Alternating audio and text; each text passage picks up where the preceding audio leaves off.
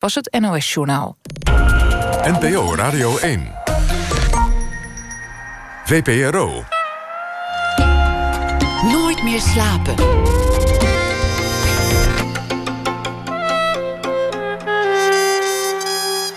Met Floortje Smit. Welkom bij Nooit meer slapen. Twan Heijmans, schrijver en journalist, die doorkruiste de afgelopen jaren het hele land op zoek naar verhalen. Zijn columns voor de Volkskrant zijn nu gebundeld in het boek Nederland ligt er prima bij. Straks na één uur is hij te gast. En Rob Hoornstra fotografeerde jarenlang zijn buurman Kit in de Utrechtse volkswijk Ondiep tot Kit op een dag doodgevonden wordt in de gracht.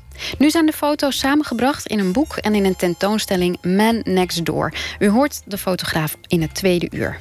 Dan leest ook Erik Jan Harmes weer een verhaal voor bij het nieuws van de voorbije dag. Maar we beginnen met Gustav Peek. Na vier romans waagde hij zich aan iets opmerkelijks. Een revolutionair pamflet met rode kaft...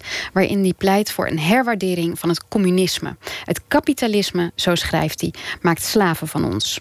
Peek, geboren in 1975, opgegroeid in Hoenderloo, debuteerde in 2006, won de BNG Nieuwe Literatuurprijs en de Bordewijkprijs voor zijn Ik was Amerika. En zijn bestseller Godin Held werd genomineerd voor de Libris Literatuurprijs. En nu dus dat pamflet over communisme. Welkom. Gustav Peek. Dankjewel. Um, ik vroeg me, volgens mij was jij 14, 15 toen de Berlijnse muur viel. Ja. Klopt. Dat, weet je dat nog? Ja hoor, ja hoor. Ik, uh, ik, ik weet nog dat ik sta in de zitkamer, gewoon in het ouderlijk huis. En, uh, en het, het was al langer bezig. Ja, ja, ja, je had geloof ik de ambassade in Hongarije... waar, waar, waar al een doorvoer was voor vluchtelingen uit de DDR. En het hing enorm in de lucht. Er, gaat nu, er gaan grote dingen gebeuren. Er gaan ook ja, gaan er, ja, uiterst bijzondere dingen gebeuren. Dit moet je zien. Het is echt, echt elke dag thuiskomen, tv aan. Wat gebeurt er nou weer? Wat, is er nu extra opengegaan, vrijgekomen? En op een gegeven moment was het moment daar, uh, te, midden, van alle chaos. En ik weet nog dat ik in de zitkamer sta en naar het scherm kijk van de TTTV. En dat ik het, ja, dat echt, ja, die de, de be, be, be, beelden, mensen die er door, door, doorheen gaan, blijdschap, uh, water, hou, houwelen, uh, vrolijkheid. Ja, echt, echt, echt dat gevoel van een nieuwe tijd. En holy moly, ik, ik, ik, was daar gewoon bij. Ik was daar gewoon bij en ik zag het gewoon gebeuren. Dat, dat was echt, ja, dat, dat maakte heel veel indruk op me. Ja, ja het, het is een hele, een hele heldere herinnering. Wat, wat voor gevoel had je daarbij? Spanning en, en vrolijkheid ook. Ja, ik, ik, ik herinner me echt nou, gewoon alsof je alsof je naar een sportwedstrijd kijkt... je favoriete team heeft zo ongelooflijk gewonnen. Dat, uh, ja, dat, dat, is gewoon echt blij, blij, blijdschap. En waarschijnlijk ook al een soort van historische sensatie van... er gebeurt nu echt iets. En ik ben daarbij, ik maak dat mee. Um, ja, ja, dat, dat soort uh, dit, dit dingen. Het, het, het, ja, het zijn ook de ingrijpende jaren. Uh, puberteit. En uh, ja, jee, alles maar maakt knalveel indruk. Ja, het is grappig. Ik, ik, las laatst ook iemand die zei... Het, het is eigenlijk gek dat er altijd in elke generatie... zijn een soort historische gebeurtenissen... die bepalen hoe zo'n generatie denkt. Ja. En denk jij dat die Berlijnse muur dat voor jou is geweest? Ja, ja, ja. Ja, ja ook, ook omdat... Het werd een beetje warm gehouden, zeg maar. Het, het, het, het, het werd altijd ingezet uh, in mijn... Uh, jeugd en in, mijn herinnering ook daarna braken de jaren 99 aan. Nou, het dak ging eraf, het, eh, het kon niet op. We, we, kregen de eerste huizenboom. Uh, iedereen begon opeens uh, belachelijk veel te verdienen. Alles leek open te gaan, iedereen vrijer en rijker. En, en het werd wel altijd keihard ook zo ingezet. Zeg maar. dat, dat, dat, dat, dat waren die glorieuze jaren negentig. Uh, die, om het zo glorieus te houden, achteraf ook... hebben een heleboel uh, vermoeden verkopen. om, om, om het zo goed, goed te hebben. En, en die onroerend goed boom bleek ook een onroerend goed bubbel. En, en de internetbubbel, dat, dat was er nog eentje. En, en, en onze prachtige minister van Financiën, Gert Salm, bleek een boef. Dus ja... ja, achteraf. Ook, ook, ook het presidentschap, uh, de rock'n'roll president Bill, Bill Clinton. Dat, dat was allemaal, iedereen zat in een soort roes. En, en helaas uh, betalen we daar nu nog uh, de rekening voor. Ja, het stond ook prachtig in contrast natuurlijk met alles wat je daarvoor had gezien. Ja. De, lege, de lege supermarkten, ja. de, de schappen zeg maar, van de communistische landen waren leeg. Ja, nee, we, we, we, we, we hadden ons daarna helemaal overgegeven aan showbiz. En uh, ja, nou ja, we, uh, ho hopelijk hebben we toen een beetje lol gehad. We hebben er in ieder geval geen uh, geld aan overgehouden. Of tenminste, wij niet. Er is een kleine groep natuurlijk, die heeft daar belachelijk veel geld aan overgehouden. Hoe was dat eigenlijk bij jou thuis? Werd er veel over politiek gepraat? Hadden jullie het hierover? Ja, er was altijd een levendige discussiecultuur aan de eettafel. Uh, ja, en, en, het kon soms heel ferm en hard uh, aan uh, toegaan. we waren met z'n vijf, vijven. Ik heb twee broers. En ehm, ja, het, het, het, ging wel ergens over. Ja, we, zouden, misschien zelfs te omschrijven zijn als discussieziek. Ja, het, het, het draaide er wel echt om, om sneller dan elkaar te zijn, slimmer, uh, gemener ook helaas. Um, ja, maar, maar het draaide er wel echt om dat je je, je, je woordje klaar had. Uh, je moest wel sta, staan. En, uh, ja, en, en, en ook of om te jennen of om te stoken... dan bracht je af en toe iets controversieels in. En ja, dan, kon je daar weer op door. Maar we hebben het wel altijd... Ja, het, het, het, het, het fliep altijd via de mond. En het kon af en toe behoorlijk vurig worden. Ja, waar sto, waar hoe waren de verhoudingen dan? Ik bedoel, was je vader dan heel rechts en jij heel links? Of? Ja, nou ja, ik, ja, ja hij, hij, was uh, rechts en, en ik was uh, ja, in die jaren herinner ik me van alles wat. En ik, ik, ik, was gewoon alles aan het uitproberen. Wat, wat ik wel door had van ja, ja, wat, wat, wat, wat hij allemaal pro probeert te slijten aan ons. Ja, dat is niet. Dat, dat, dat houdt zeker niet allemaal stand. Er, uh, in, in een heleboel van zijn betogen en argumenten al, al, ja, dat uh, had ik door van ja, hier zijn gaten in te slaan. En uh, ik ga het in ieder geval proberen. Kan je, kan je een voorbeeld noemen waar je, waar je vooral tegenaan liep? Uh, nou ja, nou ja, ja, ja, zoals ja, een heleboel ouders hebben die. Die gebruiken het gezag van hun leeftijd en hun ervaringen. En ze zetten dat redelijk onverbiddelijk in. Maar dan denk ik van ja, dat is, dat is niet de waarde. Dat, dat is niet een wezenlijk fundament van een argument. Dat is. Uh, dat, uh, dat kan ik ook. niet alleen maar omdat je ouder bent en een ouder bent. Dat, dat geeft niet automatisch gelijk. Um, en ja, ik, ik, ik, ik, was benieuwd al. Uh, omdat ik altijd, ik ben altijd heel geïnteresseerd geweest in, in films, in boeken, in verhalen. En, en je, je krijgt al snel het idee: hé, hey, er is een, een wereld achter de wereld. Zeg maar, je ziet mensen dingen doen, maar waarom ze dat, dat doen, is dat, dat niet het echte leven? Zeg maar, als, als ik nou eens kon ontdekken waarom mensen doen wat ze doen, dan heb ik misschien meer, dan snap ik misschien meer van de wereld om me heen en dan ben ik minder bang en minder in de war. En, en ik, ik had ook wel door, ja, er kloppen gewoon een heleboel dingen niet, niet. En het was volgens mij volledig in intuïtief en helemaal romantisch. Ik was helemaal aangestoken door, door het idee van helden, ridders, schurken. Maar eh, ook, ook ja, in, in alle goede verhalen, in alle goede films... die, die, die ik toen heel veel voor keek, er klopte. Er klopte altijd wel iets niet. Er ging altijd wel iets mis.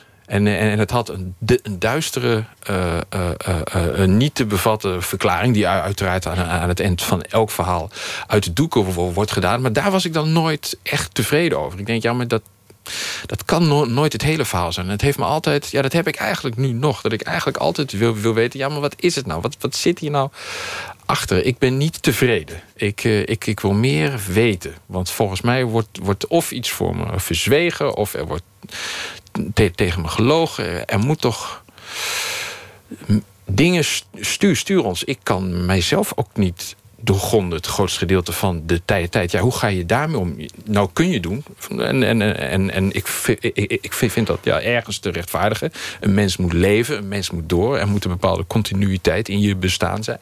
Maar, maar, maar, ja, je moet ook met jezelf leven. Je, je moet werkelijk door met jezelf. Dus, dus wat drijft je? Wie ben, ben je? Waarom doe je zoals je doet? Ja, dat zijn fundamentele vragen waar, waar ik waarschijnlijk ja, de rest van mijn leven mee bezig zal zijn. En, en daar ben ik al ja, relatief jong mee begonnen. Dat is best wel tobberig voor een, een jong kind. Hoe kan dat nou?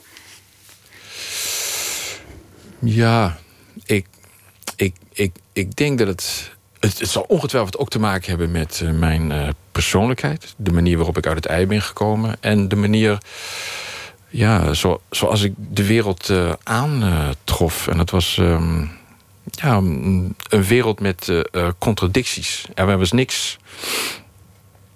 Er, zit weinig voorspelbaars of makkelijks of gebruikelijks in mijn achtergrond. Het is.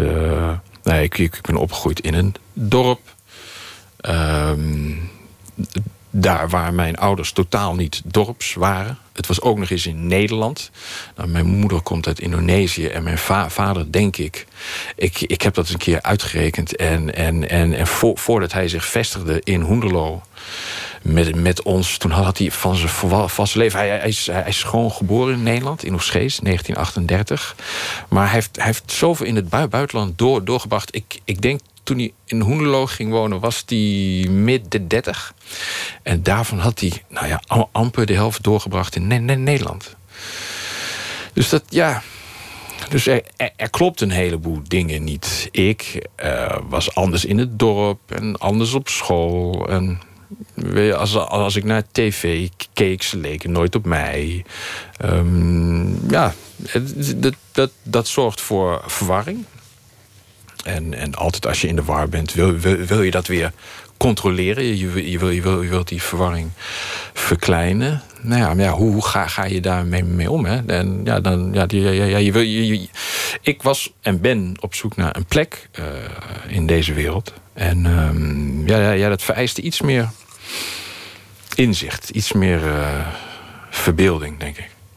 Wat deed je dan? Ging je dan lezen of ging je zelf wat verzinnen? Uh, le, le, lezen, maar ook eh, hele uh, verhalen verzinnen. Dus, dus, dus, en dat, dat varieert gewoon van echt van uh, verhaaltjes verzinnen, verhaaltjes schrijven, maar ook, ook nadenken, ja. Um, nou, eigenlijk ook het, het creëren van persoonlijke mythologieën om mijzelf op die plek in dat bestaan te denken. De, dus nou had ik had ik een soort schaduwwerelden voor mijzelf bedacht. Um, hoe ik was gekomen waar ik was uh, beland. En ik, ik ben daar eerlijk gezegd al veel van vergeten. Maar ik heb nog wel flarden van herinneringen hoe ik eigenlijk ja, ja, halve, halve werelden had verzonnen om, uh, ja, om, om, om mijn plek in te richten. Om, uh, om, om te kunnen zijn wie, wie ik was. Was je, was je gehoorzaam? Zeer, zeer. Ja. Was dat ook omdat je dan een soort leidraad kreeg van je vader... en dat je dacht, oké, dan, dan volg ik dat... want dan weet ik in ieder geval waar ik sta? Dat zal zeker hebben uh, meegeholpen. En uh, ja, dat uh, gezagstrouwen, dat, dat, dat, dat, dat, dat is ook echt van, van huis uit. Het is ook echt het idee ik heb ook echt meegekregen dat, dat, dat, dat, dat wij, ik, ik en mijn broers, wij, wij moesten alles twee keer zo goed, goed doen. Um, ja, gewoon goed was niet uh, goed genoeg. Ja. Waarom? Ja, mijn, ik, ik, ik denk dat ja, mijn, mijn vader heeft zich zorgen gemaakt. Hij, uh, hij vertrouwde het niet. Hij vertrouwde de wereld niet helemaal voor zijn donkere, voor zijn halfdonkere kinderen. En dat, ja, dat zijn onvertrouwen is helaas gerechtvaardigd. Um, ik heb ook altijd twee, twee keer mijn best moeten doen. Ja, dat is nu helemaal zo. Dat is omdat je, omdat je een, een kleur had in een uh, witte ja. wereld. Ja, ja. Dat, is, uh, dat is heel simpel. Ja. Je was dus heel gehoorzaam. Was je dan ook heel gehoorzaam in zijn. Hij was recht. Jij zei net, hij, hij had rechtse denkbeelden. Ja, nou ja, heel, heel, heel conservatief, heel behoudend, heel traditioneel. Toen, toen, toen ik ouder werd uh, en het woord uh, reactionair had opgedaan, gebruikte ik dat woord. Ja. En wat, kan je je herinneren wat je, wat je eerste daad van verzet was? Oh, mijn eerste daad van verzet. Ik weet niet, we, we hadden een keer had een keer ruzie of zo. En ik weet begot niet, niet, meer wat. En toen uh, wilde die me straffen. Door mijn schoolgeld niet meer te betalen. En ik weet nog, toen hij dat zei, was ik niet eens boos. Maar toen was ik al aan het rekenen geslagen. Zo van, oh, weet je, als ik nou dat zo spaar... en als ik dat verkoop en misschien als ik dan een baantje neem... ik was een jaar of dertien, maar, maar, maar ik zat al met allemaal ideeën van... ja, jongen, jongen, dat doe je nou wel, dat zeg je nou wel... maar ik, uh, volgens, mij, volgens mij lukt het wel in mijn eentje. Ja. Wat interessant dat hij hem wil straffen met een soort kapitalistische straf ook. Ja, nee, nee ja, ja, hij, eh, hij, eh, hij, hij, ik, ik denk dat hij me echt iets duidelijk uh, wilde maken. Maar, maar dat is, er, er kwam, nou, zoals dat vaak gaat met, met oude initiatieven, uh, soms is het effect averechts. Ja. Hoe belangrijk was geld eigenlijk bij jullie? Want je bent, je bent um, jouw uh, oh, Bets overgrootvader was uh, de oprichter van, uh, van Peek en Kloppenburg. Betekent dat ook dat jullie dan heel rijk waren? Nee, eigenlijk, dat eigenlijk tot mijn, wanneer was het? 13e, 14e was het echt afzien en sappelen. Was het, kwam, kwam, kwam zo'n dorp ook economisch handig uit. Het leven was er schappelijker. Nee, dat was. Uh, mijn vader was toen journalist. En uh, ja, dat was ook toen geen vetpot. Um, met drie kinderen. Mm, nee, nee, het was. Het, ik, ja, we waren, ik was tien en toen hadden we eindelijk een platenspeler in huis. Dat soort verhalen. Stiekem door het bos rijden en een, be een beetje houtgappen hier, hier en daar. Het is een beetje, zoals dat dan heet, Dickensian. Maar ja, ja, ja het is wel mijn uh, jeugd en, en grote paniek als de kachel uh, stilviel in de winter. Oude, oude ka ka kachel. En die moest dan in alle elven ja, eigenlijk opgekalefaterd worden. En hopelijk hield hij het een winter vol. Dat soort verhalen, kleren doorgeven. Ja. Heeft hij nooit aangeklopt dan bij zijn vader? Voor nou, geld? Of? Ja, dat, dat was een gecompliceerde verhouding voor, voor, voor, volgens mij. En toen, uh, toen mijn grootvader uh, overleed, toen werd het ruimer. Ja, ja, toen werd het ruimer bij ons thuis. Toen waren er opeens dingen mogelijk die, die eerder niet mogelijk waren. Ja. ja. We gaan uh, even luisteren naar muziek. Naar uh, Pitou Nicolaas. Dat is een singer-songwriter uit Amsterdam. Ze maakt uh, breekbare folkliedjes. Met niet meer dan een akoestische gitaar en verschillende lagen vrouwenzang. Dit is het nummer Problems.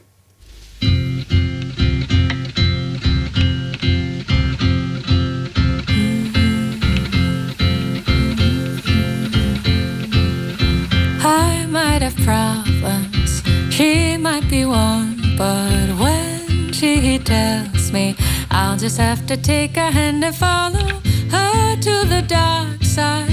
She will show me where the lights are. I'll just have to take her hand and follow her to the dark side. Her to the dark side. To the dark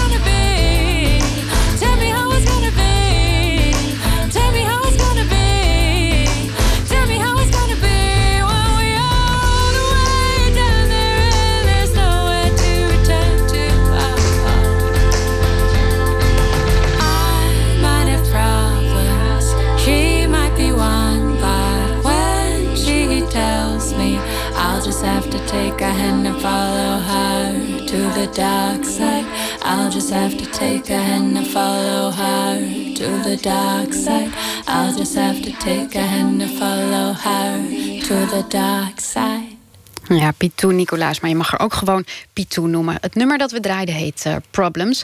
En uh, dit is Nooit meer slapen. We praten met uh, schrijver Gustav Peek. Hij heeft een pamflet geschreven voor het communisme. We hadden het net al even over hoe je bent, uh, bent opgegroeid. Um, dat je een gehoorzaam type was. Um, beetje rechtsig milieu. Was niet zo heel erg veel uh, geld. Um, en ik zei al gehoorzaam type, want je bent ook rechten gaan studeren, geloof ik. Hè? Ja. Omdat je vader dat ja. graag wilde. Ja. Uh, zo gehoorzaam, daar ik, hebben we het over. Ik, ik, ik heb echt geprobeerd om de keurige schoonzoon te zijn. Ja. En hoe krijgt zo'n keurige schoonzoon nou dat is kapitaal in handen? Uh, ja, toen was ik al veel uh, ouder. Maar ik, ik denk dat uh, de weg daarvoor geplaveid is op de universiteit. Door het studeren. Om in aanraking te komen met, met andere gedachten, andere inzichten. Gewoon. ik, ik ben veel meer gaan lezen, veel wijder gaan lezen. En toen in die jaren had je nog studiefinanciering. En je betaalde maar één keer collegegeld. En, en, en dat viel nog reuze mee. Studeren was te doen. En op een gegeven moment ontdekte ik... na twee jaar rechten ben ik Engels gaan studeren. En ik dacht, wauw, alle collegezalen staan open. Dus ik kan uh, overal binnenlopen wat me maar in, in, in, interesseert. En daar heb ik gebruik van gemaakt. Ik ben gewoon gaan zoeken. Ik, ik moet dan wel enge Engels doen. En, en dat ga ik ook doen. Vind ik een hele boeiende, leuke stu, stu, studie. Maar wat is er nog meer? En, en, en dan ga je gewoon, ja, al andermans hoorcolleges volgen. En dat is zo spannend. Dat idee dat dat vrij en open is.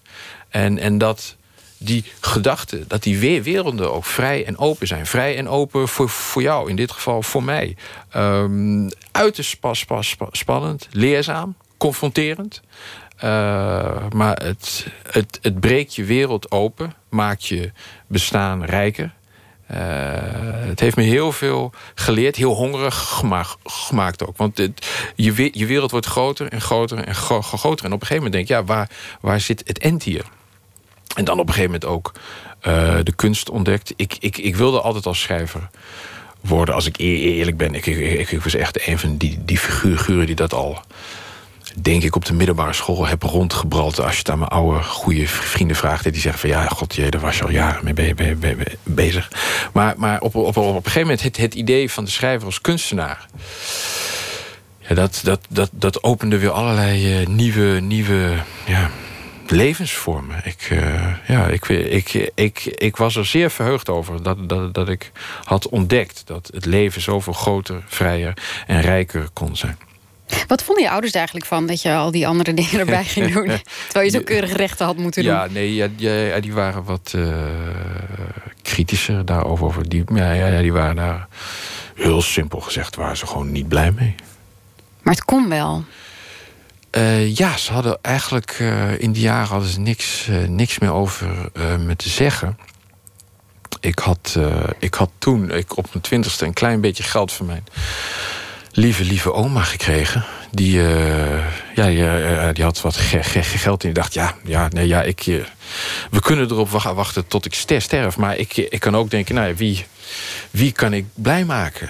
Nou ja, dat, dat, dat waren wij, haar kleinzoons. En toen was ik uh, vrij. Toen, uh, nou ja, wat, wat, wat ooit begon als van ik, eh, op, op, op, op mijn dertiende, ik, ik ga, je schoolgeld niet betalen. Ik had mijn, eindelijk mijn, mijn echte antwoord op, op dat dreigement. Ik, ik was echt vrij.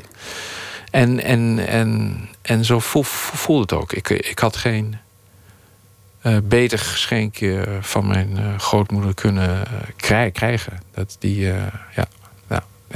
Toch zit er iets prachtig ironisch in. Dat moet je ook zelf uh, toegeven. Dat, dat je door het uh, geld van het grote kapitaal uiteindelijk bij Marx terechtkomt. Nou ja, Marx heeft het er al over dat uh, de, de bourgeoisie al, altijd de wapens zal aandragen voor haar eigen ondergang. De, de, dus daar had die oude du Duitser alweer gelijk.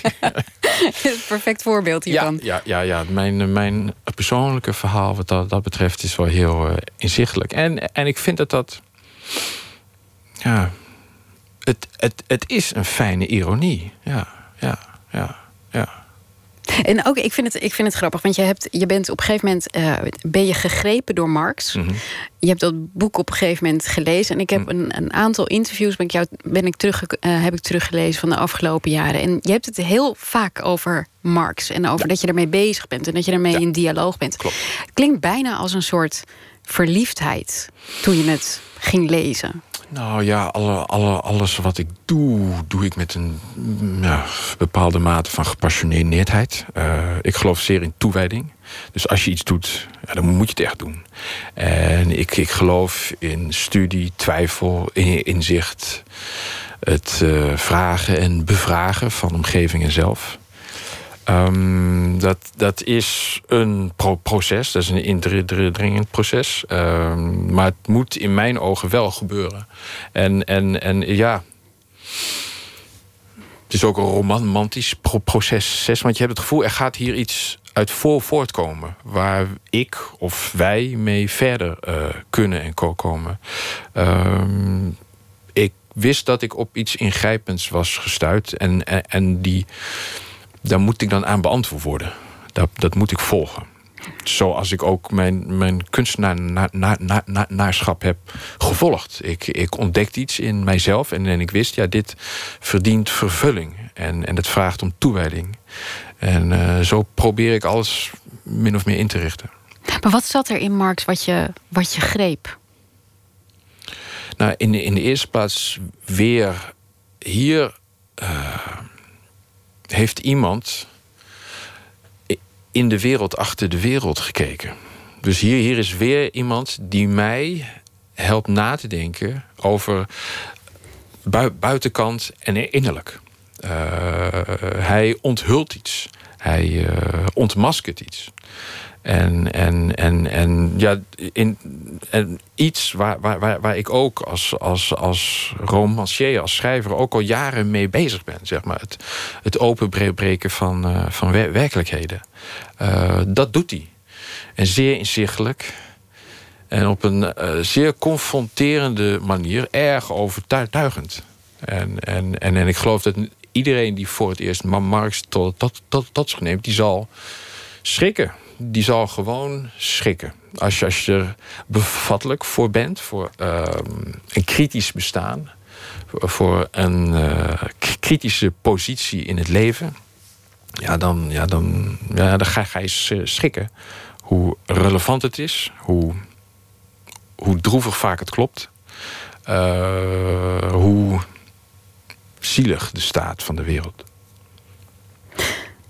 Jij vond het zelf zo belangrijk dat je er zelf ook een, een pamflet over wil schrijven. Mm -hmm. um, het, het split zich eigenlijk uit in, in twee delen, hè, het pamflet. Het ene gedeelte is. Um, um, je verwerpt eigenlijk het, het kapitalistische Mhm. mm -hmm. systeem. Mm -hmm. Ja, nee, ik, ik. Heel simpel, ik probeer uh, aan, aan te geven uh, wat het is. Wat is kapitalisme? Waar komt het vandaan? En hoe grijpt het in in onze levens? Dat. Uh, en, en, en kijk, kapitalisme is heel simpel, is heel plat. Uh, draait om winstmaximalisatie. En als productie alleen uh, in verbinding staat met winst, dan is de mens automatisch in gevaar. Uh, dat, de, de mens bestaat niet. kan niet overleven in een milieu van winstmaximalisatie. Je, je, je wordt automatisch een slachtoffer omdat winst altijd ten koste gaat van iets. Uh, nou, winst interesseert het geen bal wie je bent of wat je doet. Maar, maar ja, wie wij zijn, dat is essentieel voor ons. Uh, kan je een voorbeeld noemen waarin je het ziet? Nou ja. Uh, gezondheidszorg misschien? gezondheidszorg. Er was een coup in 2006 onder toen minister Hogevorst. En het primaat van de zorg ging van overheid naar verzekeraar. Nou ja, wat, wat, wat, wat krijg je dan als men winst uh, moet maken? Nou, de salarissen gaan in ieder geval omhoog van uh, managers. Er komen meer management lagen. Uh, je zult meer en meer in een nummer veranderen, merk je. Ja, want ja, de kosten moeten omlaag en de winst moet omhoog. Dus je zult merken, er zal constant afgeschaafd worden. bovendien, omdat de overheid nog zo'n grote rol heeft in de financiering van de gezondheidszorg, wordt de overheid ook chantabel. Want het primaat berust niet meer bij hen. Dus zorgverzekeraars, farmaceuten kunnen ook eigenlijk constant de prijzen omhoog gooien. En ja, de overheid heeft geen poot meer om op, op te staan. En de overheid, ja, dat zijn wij. Dus dan hebben wij geen poot meer om op te staan. Wij kunnen eigenlijk constant een poot uitgedraaid worden, want wij hebben het niet, niet meer voor het zeggen. Het is eigenlijk alsof er een systeem gecreëerd is door ons, wat, wat aan de loop gaat met ons. Ja. Uh, ja. Ja, wij, wij zijn uh, verzonken in gemeenplaatsen die niet goed voor ons zijn. Het is, uh, wij zitten onszelf te bedonderen. Nu hoor je dit, dit is wel uh, een, een bekend geluid, hè? dat het kapitalisme slecht is voor ons. Je hoort dat steeds vaker volgens mij nu van verschillende denkers. Ja. Um, jij maakt alleen een, nog een extra stap. Jij zegt eigenlijk, uh, uh, wat het antwoord is, is, is het communisme. Mm -hmm. Ja. Um, en wat versta je dan onder het communisme? Is een collectief streven naar een egalitaire samenleving waarbij kennis, macht en inkomen rechtvaardig worden verdeeld. Ja, en um, waarom denk jij dat dat het, het juiste antwoord is? Het is een alternatief. Kijk, eh, alleen kapitalisme wil het altijd bij het rechte eind hebben. Ik geloof meer in, in uh, alternatieven, in inzichten die zorgen voor nieuwe inzichten. Ik geloof in een open toekomst. Ik geloof in gelijke kansen. Want wat hebben we gezien als de ongelijkheid kleiner wordt in de samenleving? Gaat het ons allen beter als wij ons geen zorgen hoeven te maken over de basisbehoeften van ons bestaan? Dan gaan we er allemaal op vooruit. Um, mensen, nou, ik heb dit pamflet geschreven, mensen horen daarvan. En ik hoor nu heel veel van, ja, maar je kunt toch niet kennen al de goede dingen die het kapitalisme voor ons heeft gedaan. We hebben het nu toch zo goed. Dan zeg ik, ho, ho, ho. 150 jaar geleden hadden we ook kapitalisme. We hadden zelfs toen meer kapitalisme dan nu. En toen stierven we in de fa fa fabrieken en de mijnmijnen. Mannen, vrouwen en ook nog kinderen. Dus we hadden toen kapitalisme en dat bracht ons niets op. En nu hebben we zogenaamd kapitalisme dat ons wel iets oplevert. Nou wat had je 150 jaar geleden, anderhalve eeuw geleden? Wat kwam op? Het idee van collectief, van gelijkheid, van stemrecht. Waar kwam dat vandaan? Dat kwam niet van het kapitalisme. Nee, dat kwam van het communisme. Dus eigenlijk alles, en dat, en dat vergeten we helaas, maar dat, dat, is wel echt zo. Alles waardoor we het nu zo goed hebben als grote groep, komt niet door het kapitalisme. Maar dat zijn alle krachten die we hebben opgeroepen tegen het kapitalisme. En als jij die krachten oproept tegen het kapitalisme, ontkom je er niet aan om het communisme aan, aan te roepen. Om het communisme te noemen. Ja, of het socialisme. Het, het, socialisme is natuurlijk. Vind ik ook helemaal geweldig. Maar het idee van democratisering, van uh, collectieven die zich inzetten voor gemeenschappelijke belangen, daardoor hebben we het zo goed. Ja, en ja, ja, dat, dat komt door een paar Duitse denkers, Franse denkers. Maar dan ga je, je gaat ervan uit, eigenlijk als je, als je uh, daarin gelooft, in het communistisch ideaal, ga je, heb je eigenlijk een vrij positief mensbeeld? Uh, uh, communisten doen niet echt aan idealen. Dat, dat, dat is meer. communisme verhoudt zich altijd tot de werkelijkheid. Wat is feitelijk? En wat zou kunnen werken? Hoe kunnen we problemen werkelijk en feitelijk oplossen. Ik, ik laat ideeën van mythes, legendes, zagen en heilstaten... laat ik vrolijk over aan het kapitalisme, dat is de ideologie voor de Gouden Bergen. Uh, communisme is veel nuchterder, veel feitelijker, veel trager daardoor ook. Want, ja, het, draait om collectieve en onze stem is e-, evenveel waard. Dus het zal tijd kosten, het zal problemen geven. Maar als we het zelf in de hand hebben, als de toekomst aan ons is, nou ja, dan is dan zelfs als we falen, dan hebben we het in ieder geval zelf gedaan. Ja, maar toch, toch, er is natuurlijk gewoon wel een communistische heilstaat. En die gaat ervan uit dat alle mensen uiteindelijk. Nee, nee, nee, nee, sorry, die heilstaat die kun je nergens terug, terugvinden.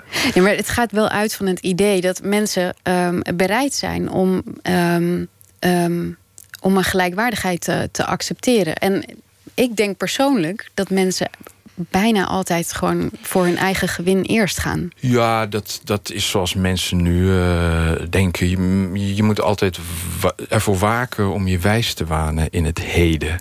Uh, elke generatie denkt: nee, wij, wij snappen nu de werkelijkheid. We hebben hem in de hand. Wij weten nu op alles een antwoord.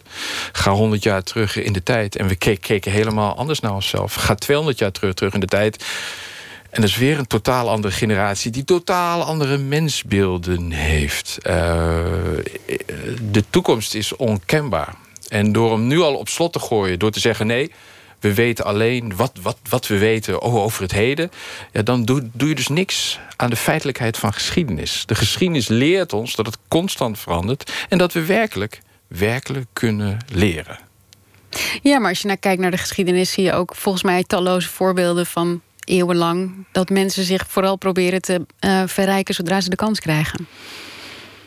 Kan, ja. Maar wat je ook ziet, dat als je mensen aan elkaar verbindt en mensen voor elkaar verantwoordelijk maakt, en dat hebben we vooral gezien in, in de naoorlogse geschiedenis, dat geeft dan opeens een piek in welzijn en algemene welvaart, in gelijkheid. En daar zijn we allemaal gelukkiger van geworden. Ik heb een aantal recensies uh, gelezen uh, over je boek. Mensen vinden het toch moeilijk, hè? Het communisme nog eh, steeds. Uh, nou ja, en het zal steeds moeilijker worden. Het zal steeds moeilijker worden. Kapitalisme heeft ons wel echt ja, in een zeer dwingende omhelzing. dus alles wat daarvan afwijkt, moet eigenlijk zo snel mogelijk worden uitgeschakeld. het is het collectiviteit wordt ontraden, wordt ontmoedigd, wordt gesaboteerd. Um, links, links communisme, is er alles aan gedaan om daar scheldwoorden van, van te maken. Om die termen te demoniseren. Om ze te behangen met, met vooroordeel en uh, ja, afschrikwekkende versierselen. Sinds, sinds de val van de muur? Uh, al veel e ja, daarvoor. E eerder eigenlijk. Ja, nee. Uh, het, is, ja, het, het, het, het, het is altijd. Maar ja, ja wie, wie is de baas? Wie is de baas? Ik, ik, ik, vind, ik vind dat altijd een hele goede vraag. Wie heeft wat in eigendom? we worden heel ver nu van dat soort vragen gehouden. En dat is altijd suspect. we verdienen meer antwoorden. We verdienen meer inzicht. Wij verdienen meer überhaupt. Um, of, of, uh, of, we kunnen hoog springen of laag springen. Maar we hebben nu eenmaal collectieve behoeften. We moeten allemaal eten. We willen allemaal iets leren. We moeten allemaal er, er, ergens wonen. Uh, we, moeten elkaar kunnen dragen. Um, nou ja, hoe, hoe gaan we dat in, in, inrichten? En onder wiens zeggenschap zal dat allemaal uh, vallen? En het kapitalisme is nu van, ja, is dat nu allemaal aan het afstrepen. Alles moet uh, uit ons eigendom getrokken worden. Van zorg, wonen, onderwijs, voedsel, hoe dan ook. Ik wat, nou ja, voedsel. Dat is echt voedsel begon ik over na te denken. Uh, ik dacht van, nou, voedsel, we moeten allemaal eten. En toen ben ik allemaal grondwetten overal op aarde erop na gaan slaan. Hebben wij recht op eten? En wat bleek, in geen enkele grondwet staat... Uh, ieder mens heeft recht op eten. Ik dacht van, ja, maar we hebben het wel nodig, anders gaan we dood. En, en toen dacht ik van, ja, waar zitten de, de, e-, de etensrechten? En toen dacht ik, wauw, die zitten bij de producent. Dus de producent wordt beschermd door alle wetten en regels. Dus zijn recht om ons eten te onthouden is groter dan ons recht om ons in leven te houden. En daar kon ik niet van uh, slapen. Dat, dat ik echt al van, wauw, wij, wij, wij, wij, wij hebben niet eens ons, ons leven daardoor in eigendom. Um, dat, ja, toen, toen wist ik dat, dat, dat ik in mijn denken heel ver was gekomen en eigenlijk op iets heel sombers en heftigs was, was gestuurd, maar ook iets historisch. Ik ben heel veel gaan lezen, maar een van de allereerste dingen, en dan heb ik het echt over een jaar of 500 geleden, uh, kapitalisme is ontstaan op het Engelse platteland, 15e, 16e eeuw. En het is uh, eerst verlopen via voedsel. En toen dacht ik, wauw, dat, dat, dat, dat is slim. En dat verklaart meteen waarom kapitalisme heel snel heel populair werd. Voedsel werd van iets wat je in leven houdt, werd in één keer uh, uh, een verhandelbaar goed. En op een gegeven moment was dat het, het, het allerbelangrijkste geworden. Voedsel als verhandelbaar goed. En dat is natuurlijk waanzin. Want dan, en dat weten we nu al jaren, er is genoeg voedsel op aarde voor iedereen. Toch lijden er nog miljoenen mensen honger. Ja, ik weet nu waarom. We gaan uh, weer naar muziek. Naar de Amerikaanse muzikant Sofjan uh, Stevens. Hij bracht deze week een uh, soort verzamelaar uit met outtakes, remixes en demo's. Dit nummer kennen we bijvoorbeeld nog niet van Sofjan Stevens. Dit is City of Roses.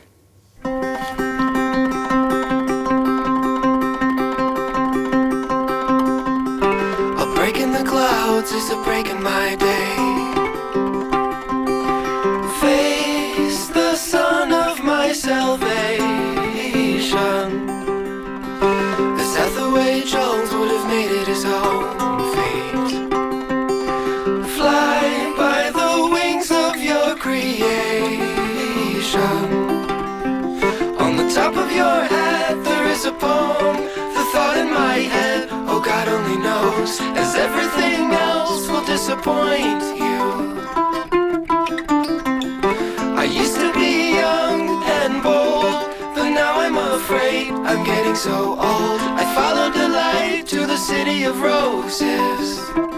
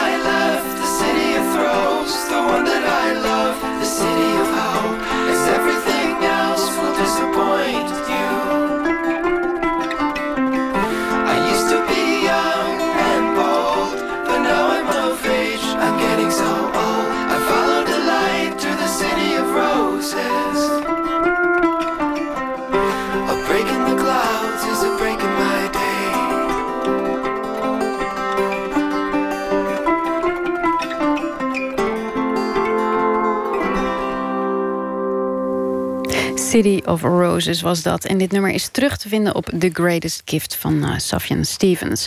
We praten hier bij Nooit meer slapen met uh, Gustav Peek. Die uh, schreef een revolutionair pamflet, een pleidooi voor het communisme. Had jij, uh, ik, ik zei net al, het, het, het woord zelf, ehm, heb ik het idee, werkt al bij mensen als een soort rode lap op een stier? Nee, ja, ik, ik snap dat helemaal. Ook, ook voor mij, voor mij als kind van de Koude Oorlog, communisme is een van de allerengste woorden die je kon uiten. Het, het was een afschrikwekkend woord. Een absoluut, absoluut verwerpelijk uh, woord. Uh, dat, dat, zo is het mij altijd uh, meegegeven. Um, dat bleek toch wat gecompliceerder te liggen dan, dan men zou willen. Had je je schrap gezet voor die kritiek? Had je dat verwacht? Jawel, jawel. Kijk, kijk, kijk wat we, in wat voor wereld leven. Nederland ook. Nederland stemt al jaren rechts. We hebben nog altijd een zeer rechtse premier. Uh, er zijn amper, waar we hebben het over, amper de 30 linkse zetels nu in, in, in de Kamer. Dus, dus ja, het is. Uh, ik, ik, ik weet, weet wel hoe de vlag erbij hangt. Maar dan moet dit woord juist opgediept worden, uitgediept worden. Dan moet juist dit woord terugkomen om de onverzettelijkheid ervan te tonen. Dit woord gaat niet weg. In mijn pamflet schrijf ik ook: kapitaal vreest ons. En dat is echt waar. Men, men, men is doodsbang voor ehm, collectieven. Wat als mensen zich werkelijk met elkaar gaan verbinden om een egalitaire, rechtvaardige samenleving uh, na te streven? Ja, dat, dat gaan markten niet aangenaam vinden. Dat gaat onze premier zeker niet leuk vinden, want die gaat dan geen premier meer zijn. Dus uh, het, uh, het is er helaas veel krachten en machten veel aangelegen om uh, dit woord communisme bij te zetten in een mausoleum. Maar het gaat maar niet weg. Het gaat maar niet weg, zolang we nog lijden onder de uh, negatieve effecten van het kapitalisme. Zal er altijd iemand weer opstaan en zeggen: hé, hey, maar communisme dan? Wat ik grappig vind is als je, als je zo kijkt um, met dit pamflet in het achterhoofd naar, naar de boeken die je hebt geschreven, is dat er heel vaak um, dat, um, het thema van, van onrechtvaardigheid en van een ongelijke verdeling komt eigenlijk al heel lang terug. Zelfs al voordat je volgens mij ja. Marx opensloeg. Ja, uh, vragen. Uh, mijn, mijn, mijn boeken, denk ik. Het is altijd heel ingewikkeld om je eigen werk te duiden. Uh, er, zijn, er zijn wel altijd een paar centrale vragen. En een, van de centrale vragen is: wat is een mens? Wat is, is een mens? Wat zijn zijn minimumvoorwaarden? Is er een ziel? Is er, kunnen, kunnen we spreken van een gemeen, gemeenschap? Wat is leven? Uh, met dat soort vra vragen ben ik altijd bezig. Dat soort vragen komt dus ook altijd terug in mijn verhalen. En dat soort vra vra vragen werden in mijn hoofd steeds pertinenter en explicieter. En dat heeft uiteindelijk ook geresulteerd in dit uh, pamflet. Grote vragen. Ik ben altijd bezig met grote vragen. Er zit toch ook niet een heel. Uh, we hadden het net al even over dat mensbeeld ik vond dat je een positief mensbeeld moest hebben om in het, in het communisme te geloven. Daar was je het niet helemaal mee eens. Maar um, het mensbeeld wat uit je boeken komt, is niet per definitie heel positief. De mens is de mens. En uh, we zijn ook zeer afhankelijk van omstandigheden. Daarom denk ik, zoek ik vaak historische passages op, zoek ik de geschiedenis op om, om die vraag op de een of andere manier beantwoord uh, te krijgen. Um, ja, mijn. Ik, ik, ik, ik weet niet of ik de mens goed vind of slecht hij is. En weet je, nou ja, het is. Uh, neem bijvoorbeeld Amerika. Als je, wat, wat je nu ziet is, geef je een mens een pistool in handen, dan schiet hij ermee en dat zien we in Europa, geef je een mens geen pistool in handen, schiet hij er niet mee. Soms is het leven zo simpel. Ja, het zijn ook heel vaak, de verhalen die je vertelt, zijn ook heel vaak um, verhalen die, uh, van mensen die je anders niet zou horen, denk ik.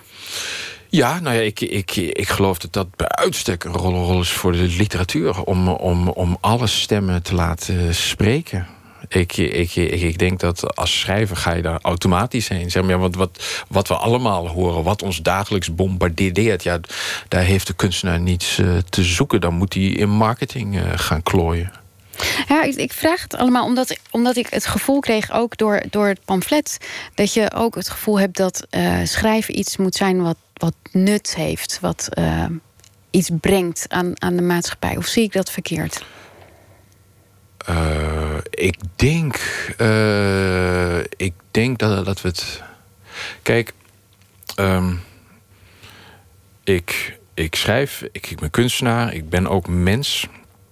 En hoe kun je dat, uh, dat wat je heeft gevormd als schrijver en de manier waarop je uit als auteur, hoe kun je dat inzetten voor de toekomst? ik schrijf boeken. Ik uh, roep hoop, hopelijk met, met mijn romans vragen op. Hopelijk help ik je uh, denken. Hopelijk uh, breek ik je verbeelding open. Maar ook, ook, ook ja, hoe, hoe kunnen we verder leven? Zeg maar, wat, wat kan ik nog meer bewerkstelligen als mens met mijn ta talent? en, en, en daar sluit dit pamflet sterk bij aan. Ik, uh, ik wilde niet doen alsof ik machteloos was. Nee, ik kan wat. Ik heb ook een stem. Ik zit bij een hele goede uitgever. Er is ruimte voor uh, gedachten die ik kan formuleren. Uh, en die ik hopelijk zo kan formuleren dat het landt bij een lezer. En dat het eigenlijk dan weer hetzelfde gaat doen als wat mijn romans doen. Uh, zaken openbreken. De werkelijkheid achter de werkelijkheid laten zien. Is dat een soort plicht die je voelt? Het is mijn plicht, ja. Ik, ik, ik, ik, ik ga het niet opdragen aan andere kunstenaars. Maar ik zie dat echt als een plicht. Echt als een taak, als een verantwoordelijkheid. Wat, als je um, kijkt naar hoe je, hoe je opgevoed bent. Eigenlijk, je hebt op een gegeven moment... Um, ben je gebroken met je vader? Of tenminste... Ja, ja dat is nu... Ja, iedereen die weet dat nu. Ja, dat weet iedereen. Inderdaad. Dat, had je dat nodig om überhaupt uh, vrij te kunnen schrijven? Uh, nee, ik schreef al. Ik, ik, ik had het vooral meer nodig om het vrij te kunnen leven. Daar was het meer voor, ja. ja. Maar bijvoorbeeld zoiets als, als dit pamflet, had je, dat, had je dat eerder kunnen schrijven? Nee, nee dit, dit vereist ook een heleboel denkwerk. En, en een heleboel soul-searching. En ook, je, uh, ik, ik, ik was als schrijver nog niet goed genoeg om dit zo op te schrijven. Uh, dat, dat had ik gewoon ook technisch nog niet gekund. Is, um, hoe, hoe, in hoeverre weegt, weegt je naam nog? Uh, ik bedoel dan de naam Peek.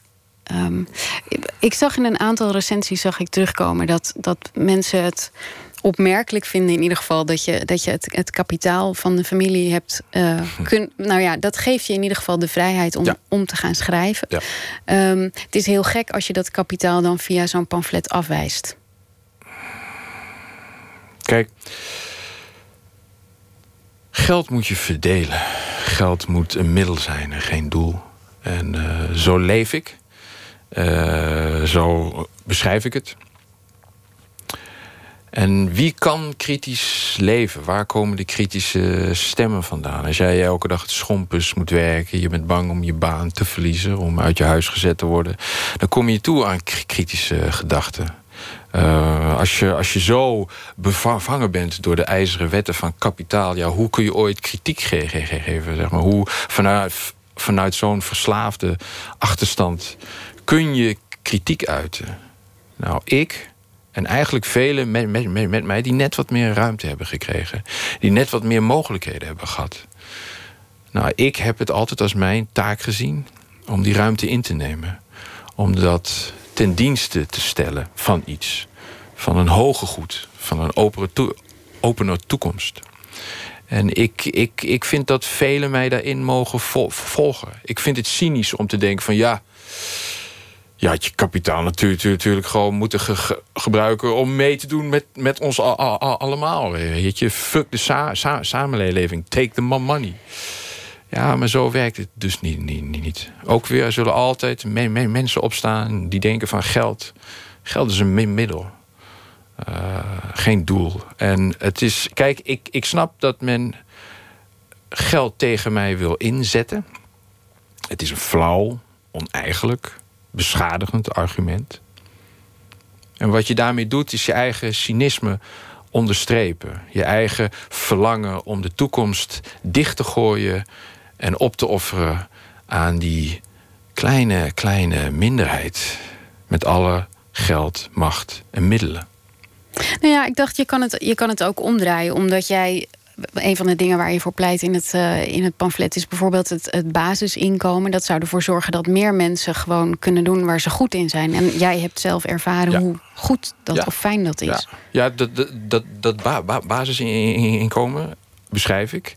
Het is alleen voordat dat, dat, dat we dat kunnen invoeren, moet, moeten we al veel meer uh, uh, gemeengoed onder democratisch gezag la, la, la, laten vallen. Zoals gezond, gezondheidszorg. Uh, de, de, kijk, het heeft wat je, wat je nu ziet. Kijk, als je mensen nu een basisinkomen zou geven, zou de farmaceutische industrie bijvoorbeeld meteen denken. Eh, jullie bestaan is gegarandeerd. We gooien onze prijs omhoog. Onze overheid nu, omdat wat je niet bezit kun je niet besturen. Onze overheid nu is eindeloos chantabel. Oftewel wij zijn eindeloos chantabel.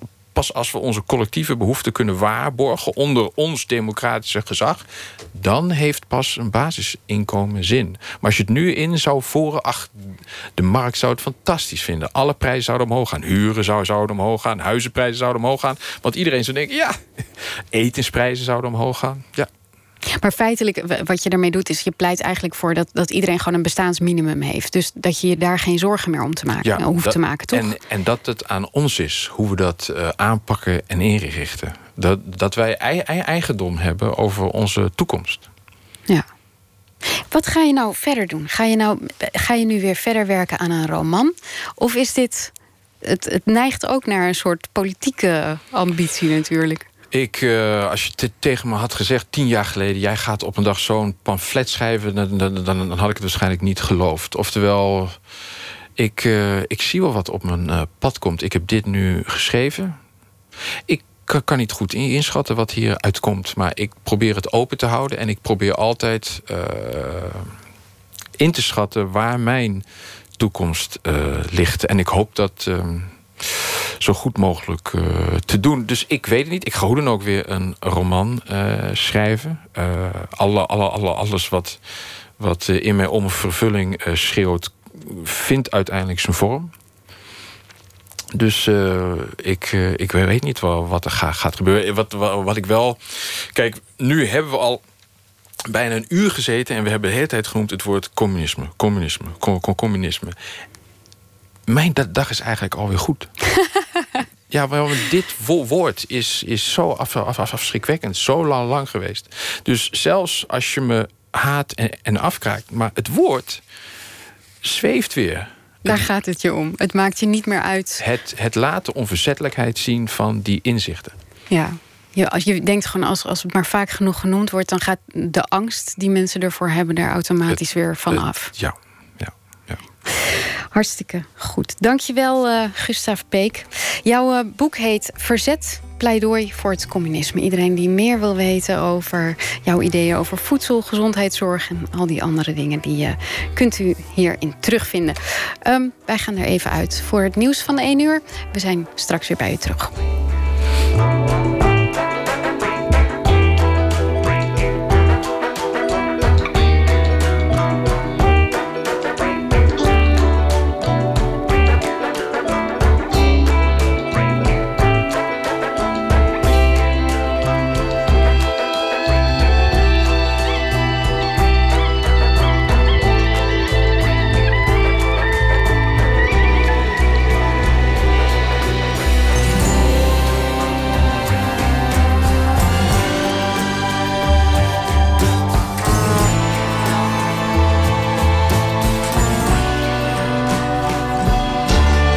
Radio 1.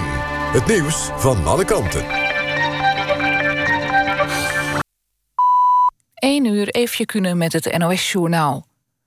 Koning Willem-Alexander en koningin Maxima zijn aangekomen op Sint-Eustatius. Het koninklijk paar bezoekt de komende drie dagen de bovenwindse eilanden... om te kijken hoe het gaat met de wederopbouw na orkaan Irma. Willem-Alexander en Maxima bezoeken vandaag onder meer een producent van zonne-energie... en bewoners van huizen die door Irma beschadigd zijn geraakt. Daarna vliegen ze door naar Saba en zaterdag gaan de koning en koningin naar Sint Maarten. De Onderzoeksraad voor Veiligheid pleit voor een verbod op knalvuurwerk en vuurpijlen. De OVV doet dat in een rapport dat morgen verschijnt, meldt RTL Nieuws. In het rapport staat ook dat de veiligheidsrisico's rond oud en nieuw onaanvaardbaar hoog zijn. Veel vuurwerk is illegaal en het legale vuurwerk is vaak niet op de juiste manier gekeurd. De gemeente Almere heeft een reclamefolder over de Floriade verspreid in de stijl van de lokale krant Almere deze week. De zogenaamde special heeft precies dezelfde opmaak. Almere deze week wist nergens van, zegt de hoofdredacteur... die vindt dat er imagoschade is aangericht.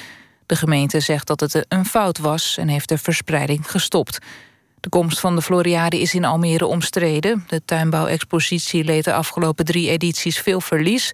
en critici vrezen voor eenzelfde scenario in Almere. De politie heeft deze week in de omgeving van Hogeveen... zes mensen van een witwasbende aangehouden.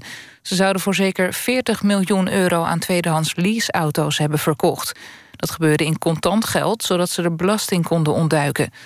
De politie heeft beslag gelegd op onder meer 161 voertuigen, 22 panden, vuurwapens, munitie en ruim een half miljoen aan contanten. Het weer nog, bewolkt met soms opklaringen. De temperatuur ligt vannacht tussen plus 1 en min 3 graden. Plaatselijk hangt er mist. Morgen is het in een groot deel van het land bewolkt bij hooguit 2 graden. Dit was het NOS Journaal. NPO Radio 1. VPRO. Nooit meer slapen.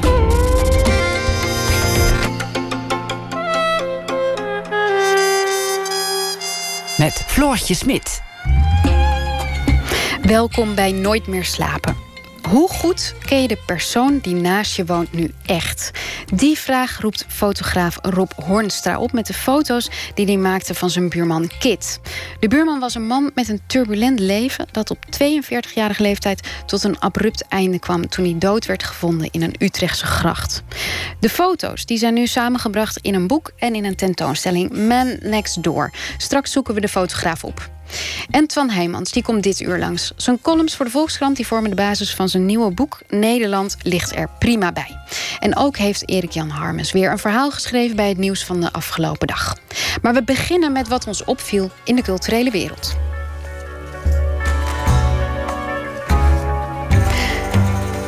Toen... Uh, Anne Faber om het leven werd gebracht... toen werkte ze aan een glorieuze toekomst als zakelijk leider. Om Anne te gedenken hebben haar werkgever en haar familie... het Anne Faber Stipendium gelanceerd voor jonge zakelijk leiders. Kobi de Vos, directeur bij het Huis Utrecht... waar Faber werkte, die nam het initiatief. Goedenacht. Goedenavond. Hoe is dit idee eigenlijk ontstaan? Nou, dat is eigenlijk het volgende. Uh, wij zijn een uh, cultureel bedrijf. Uh, toen Anne uh, vermist was... Uh, en we natuurlijk ook niet wisten hoe lang dat zou duren... heeft dat bij ons in huis natuurlijk ook behoorlijk uh, ingeslagen. En omdat we veel jonge medewerkers ook in huis hebben... dachten we het is goed om daar ook in ieder geval een expert binnen te brengen... die ons daarin begeleidt, een trauma-expert. En, en deze trauma-expert kwam met het idee om een stipendium in het leven te roepen voor Anne.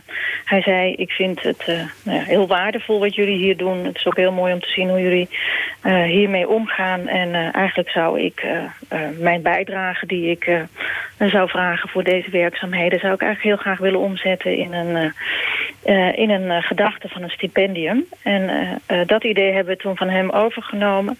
En omdat Anne was nog niet echt zakelijk leider... maar was daar wel, had daar heel veel ambitie toe...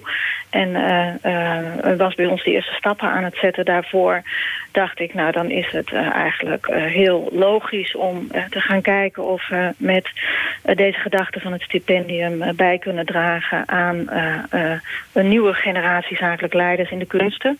En waarin we dan Anne positief zowel in haar ambitie als in het mens wat ze was eren voor de toekomst.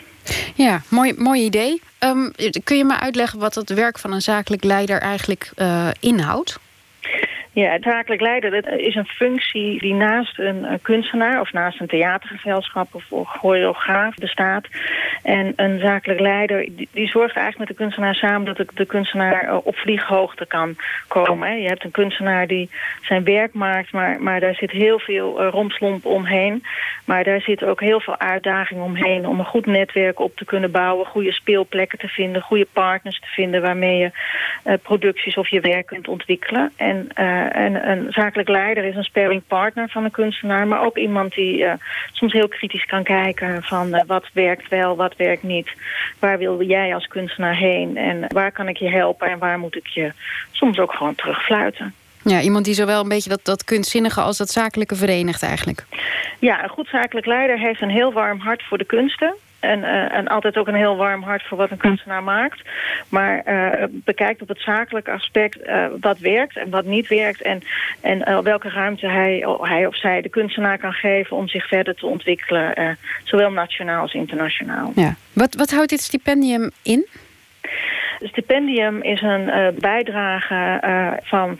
Het, gaat in ieder geval 15.000 euro uh, bij elkaar zijn. En met die, in, binnen die 15.000 euro willen we één zakelijk leider... een jonge zakelijk leider per jaar... die die ambitie heeft, maar ook al zijn voetsporen in, in, in, in, in dit vak een beetje heeft ontwikkeld... willen we ondersteunen met coaching, met een leiderschapsprogramma... met, en ook wat geld om gewoon een beetje te kunnen leven want dat is eigenlijk ook het grote probleem bij zakelijk leiders. Dat ze uh, vaak uh, naast hun werk deze professie moeten gaan leren en uitoefenen. Omdat ze ja, in de eerste jaren van hun vak ook niet genoeg verdienen om daarvan te kunnen leven. Dus we willen er ook wel wat leefgeld in zetten. Ja, want eigenlijk is er te weinig geld voor dat soort ontwikkeling.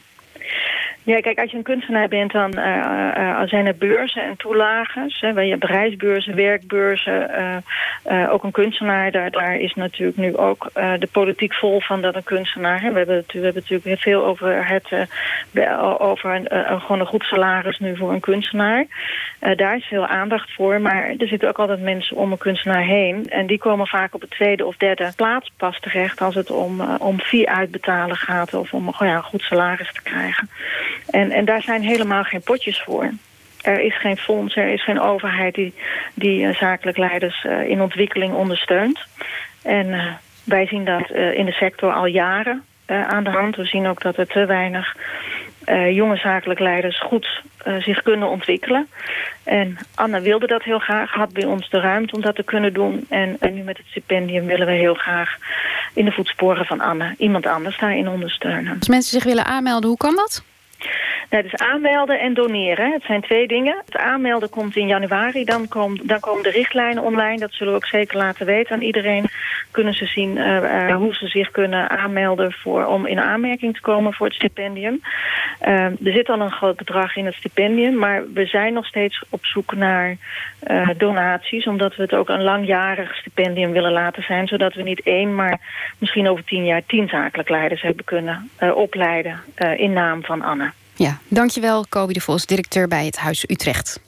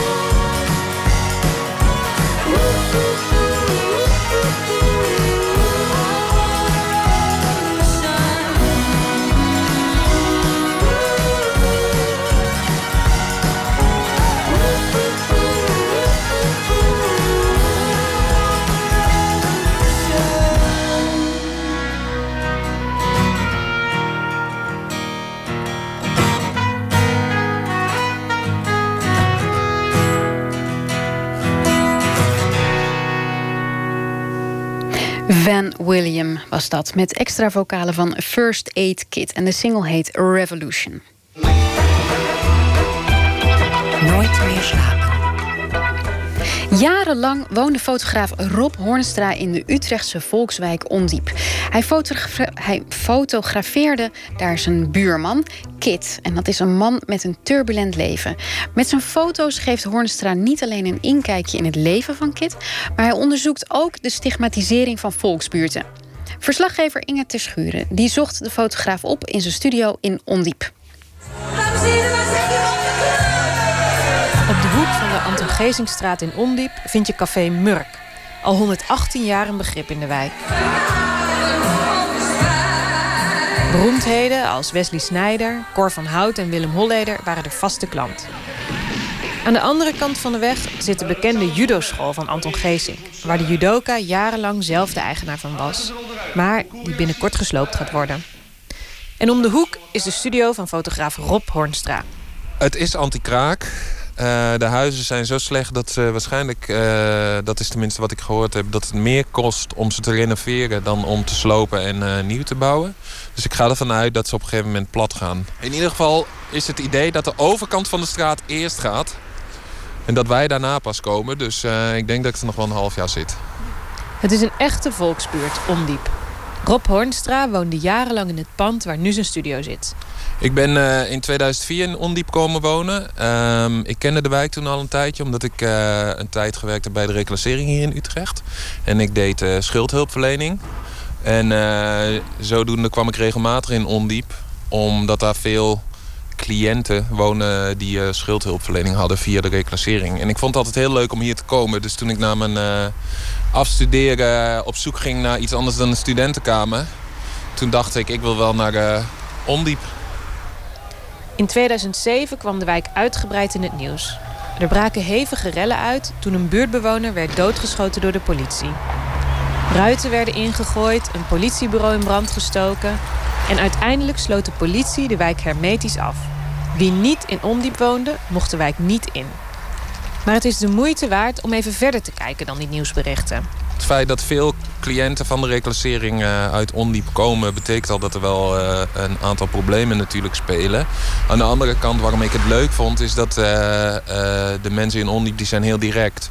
Dus ja, geen blad van de mond. En je krijgt recht voor je raap geslingerd wat, uh, wat ze van je vinden. Uh, en wat ik heel erg bewonder aan wijken als deze en aan, aan, aan zeg maar de traditionele volkswijken, is dat ze heel erg veel rekening houden met elkaar. Dus dat ze er altijd zijn voor elkaar, dat ze altijd opkomen voor elkaar. het maakt niet uit wat ze gedaan hebben, of het strafbaar is of niet of wat dan ook, maar ze staan er altijd voor elkaar. Dus het is heel veel samenhorigheidsgevoel. Twaalf jaar geleden is begonnen met de sloop van veel oude huizen. Er kwam nieuwbouw voor in de plaats. Waardoor de samenstelling van de wijk ook veranderde. De huizen stroomden vol met import. De nieuwbouw die is eigenlijk tot, uh, nou pak een beetje 30 meter genaderd van uh, uh, de woning waar ik zeven jaar gewoond heb. En Waar uh, ik het verhaal heb gemaakt ook over mijn buurman, die daar dus ook woonde. En de eerste keer dat ik uh, met alle spullen aankwam rijden en mijn familie mee hielp verhuizen en vrienden en zo, uh, stond hij in zijn blote bast in, in de deuropening te kijken. Toen hadden we nog niet gelijk veel contact. Um, in die tijd woonde hij daar ook nog met zijn ex-vrouw en zijn zoontje. Um, ik heb vooral contact met hem gekregen, maar pak een beetje anderhalf jaar later, toen hij uh, alleen kwam te wonen daar, omdat zijn vrouw en zijn zoontje uh, gevlucht waren naar een blijf van mijn lijfhuis. Uh, dus het was geen lieve jongen? Um, ja, dat is altijd natuurlijk, dat heeft twee kanten. Ik bedoel, nee, hij had duidelijk woede aanvallen en problemen met het controleren van zijn woede. Um, aan de andere kant, en dat denk ik dat je ook op mijn foto's kan zien... Um, hij heeft ook een soort hele schattige uh, aanblik. Um, dat hij bijvoorbeeld urenlang bezig kon zijn met een mereltje wat uh, uit de boom was gevallen. En dat hij echt per se wilde dat het mereltje overleefde. En uh, nou ja, goed, hij, hij had iets heel schattigs over zich. Maar hij had ook heel veel problemen.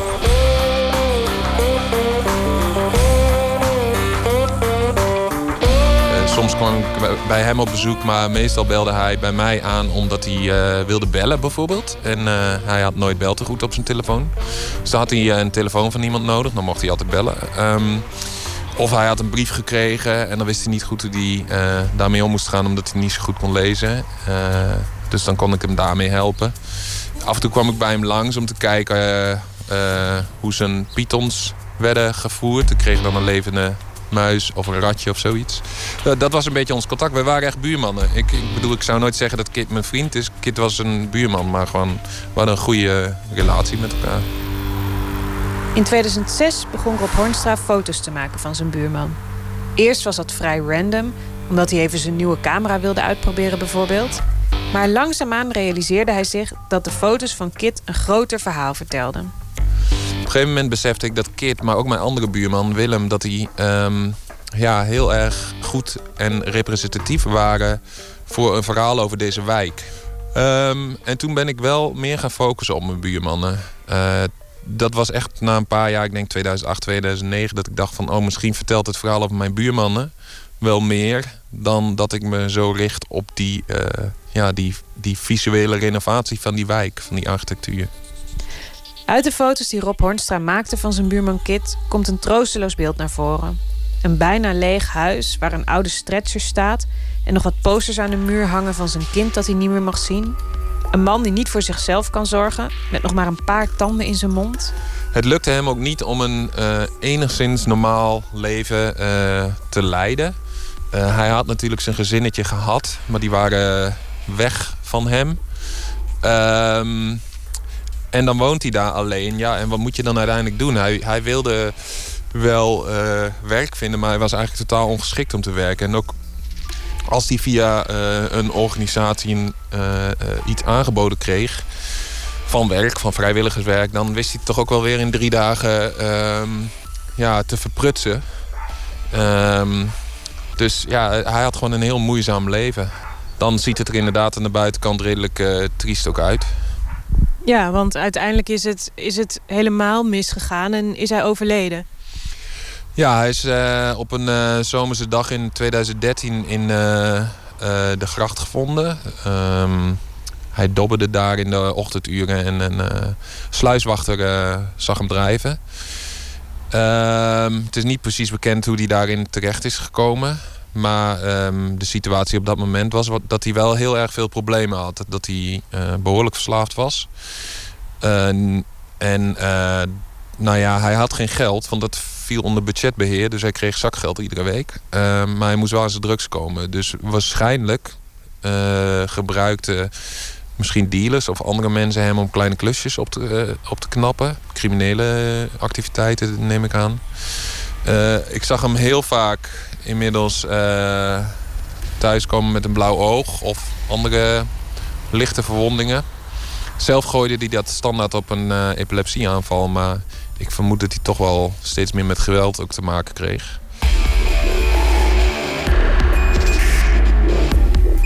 Na zijn overlijden kreeg Rob Hornstra inzicht in het politiedossier van Kit. Iets wat eigenlijk nooit gebeurt. Uh, gelukkig begreep een uh, wijkagent uit Ondiep uh, waar ik mee bezig was. En die, heeft, die heeft zich daarvoor sterk gemaakt. En toen mocht ik op een middag, een vrijdagmiddag, drie jaar na zijn overlijden... inderdaad um, door een heel dossier aan politierapporten heen gaan. Nou ja, de meer ernstige vergrijpen die er ook moeten zijn geweest... die zaten niet in dat dossier. Maar ik kreeg wel meer dan 50 van de uh, van die kleine incidenten zoals uh, inderdaad uh, alcoholgebruik in de voorstraat of hangen in portieken.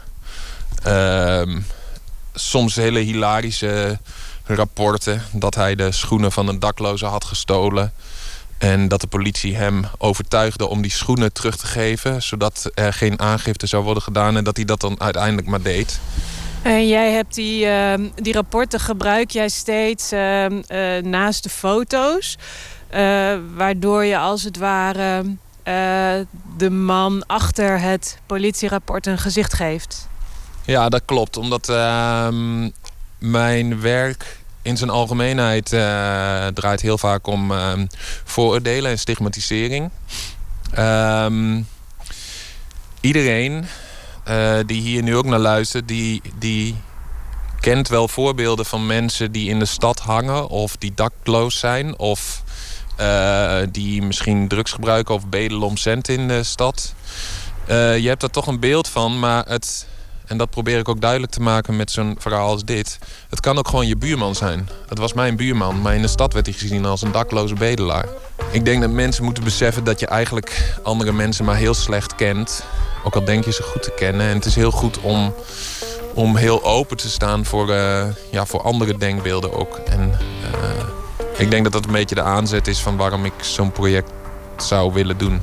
Had je zelf, heb je jezelf ook betrapt op dat soort vooroordelen over KIT of over deze wijk?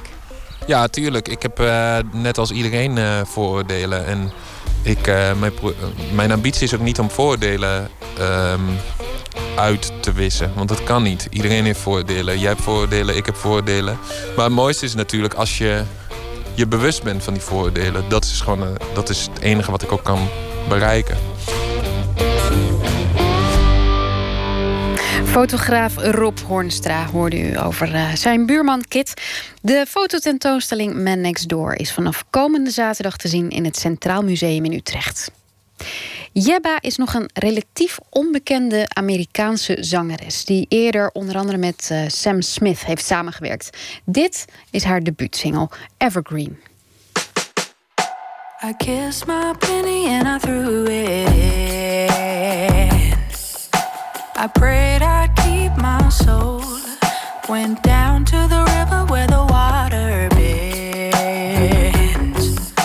The only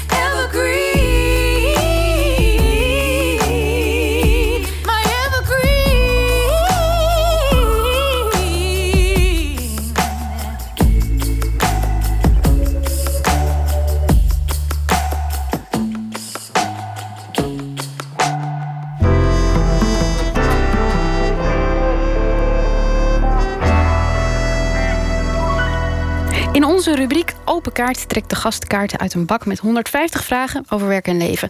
En uh, vanavond is bij ons de gast Twan Heijmans.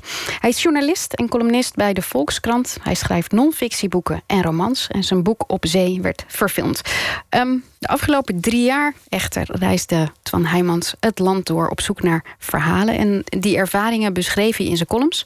Die columns zijn nu gebundeld in een nieuw boek. Nederland ligt er prima bij. Welkom. Dank je. Dat is meteen een statement, hè, eigenlijk, die titel. Ja, het kan een statement zijn. Kan ook, een, uh, kan ook ironisch. Je kunt het ook ironisch lezen.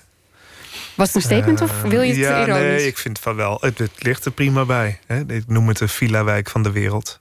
En daar geloof ik eigenlijk wel in. Maar, wat, wat bedoel je daar eigenlijk mee, villa-wijk van de wereld? Nou ja, wat je, de, iedereen die veel reist, die, die terugkomt op Schiphol, die ziet natuurlijk meteen hoe, hoe, hoe mooi het hier is en hoe goed alles geregeld is. Is een beetje cliché, maar het is, het is wel zo en het wordt vaak vergeten. Dus daarom vond ik dit een, mooie titel voor het boek. Uh, er wordt heel veel geklaagd en gezeurd en, uh, en soms is dat ook wel terecht. Hè? Maar ik vind het altijd wel goed om het achterhoofd te houden dat het uh, dat het een villa-wijk is waar wel van al. Ja, ook in villa-wijk gebeuren dingen die, die niet door de beugel kunnen. Dus ik vond dat wel mooi. En zo, zo kijk ik eigenlijk ook als ik nu, want ik rij heel veel. Over, door heel het land heen. En zo kijk ik er ook wel naar. Ja. Maar ik heb ook echt plezier in om het te zien. Hoe, mooi alles in elkaar steekt. En hoe ook bijvoorbeeld, je, wordt, iets waar heel veel over wordt geklaagd, om één dingetje te noemen, is, is dat, dat, de, dat de samenhang verdwijnt. Hè? Dus dat in, in dorpen mensen niet meer met elkaar praten en zo. Het is echt onzin. Als je, ik was laatst in een dorp en de, de, dan vraag ik van ja, hoeveel mensen wonen hier? En dan zegt ze ja, 1200 mensen en uh, 39 verenigingen. en dat is, niet, dat is geen uitzondering, weet je. Dat is die, die, dat hele gedoe met die participatiesamenleving dat is echt zo'n onzin geweest. Uh, want we, we zijn een participatiesamenleving. En, en nog steeds. Daar geloof ik heilig in. Dus wat dat betreft ligt het er prima bij. Is dat iets waar je, waar je achter kwam tijdens de columns? Of wilde je dat eigenlijk ook laten zien met die columns? Is dat de reden dat je het bent gaan doen drie jaar geleden? Het is een conclusie achteraf. Ja, het is steeds meer tot me gaan doordringen. Uh, want we zijn dus drie jaar geleden begonnen met Margriet Oosveen en Arjan Korteweg. Omdat eigenlijk columns wilden maken van, vanaf de plek waar het gebeurt. Hè. Je kunt heel mooi de wereld beschrijven vanaf je, van je computer of je, of je televisiescherm. Uh, maar ergens zijn, ja, als, als verslaggever, want zo voel ik me altijd heel erg.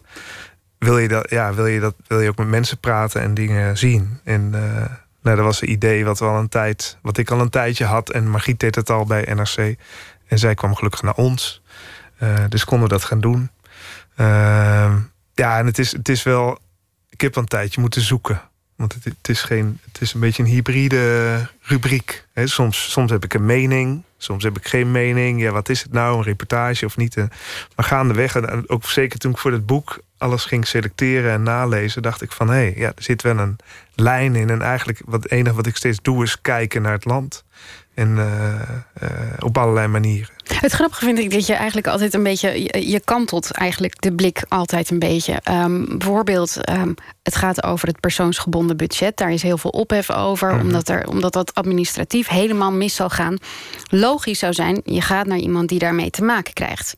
Jij gaat naar het callcentrum, ja. waar al die mensen die telefoontjes aannemen, mensen die daar ook niks aan kunnen doen. Ja, ja maar dat, is, dat vind ik echt een journalistieke reflex die ik ook wel eens mis hoor in de journalistiek in Nederland, waar, waar je toch steeds meer daarachteraan, achter wat dan nieuwsheten zijn, wordt uh, gerend. Hè? Als uh, de, de vleugel van Thierry Baudet in de Kamer in wordt getild, dan moeten we er allemaal bij zijn. Dat, daar heb ik een enorme hekel aan. En het is veel leuker om te doen. om de andere kant op te kijken. En dat, nou in dit geval vond ik dat, vind ik dat ook echt fascinerend. Ik denk dan van ja, ik, ik zie dan op, op Twitter hoe duizenden mensen zitten klagen over. En terecht, hè, want het was een zooitje.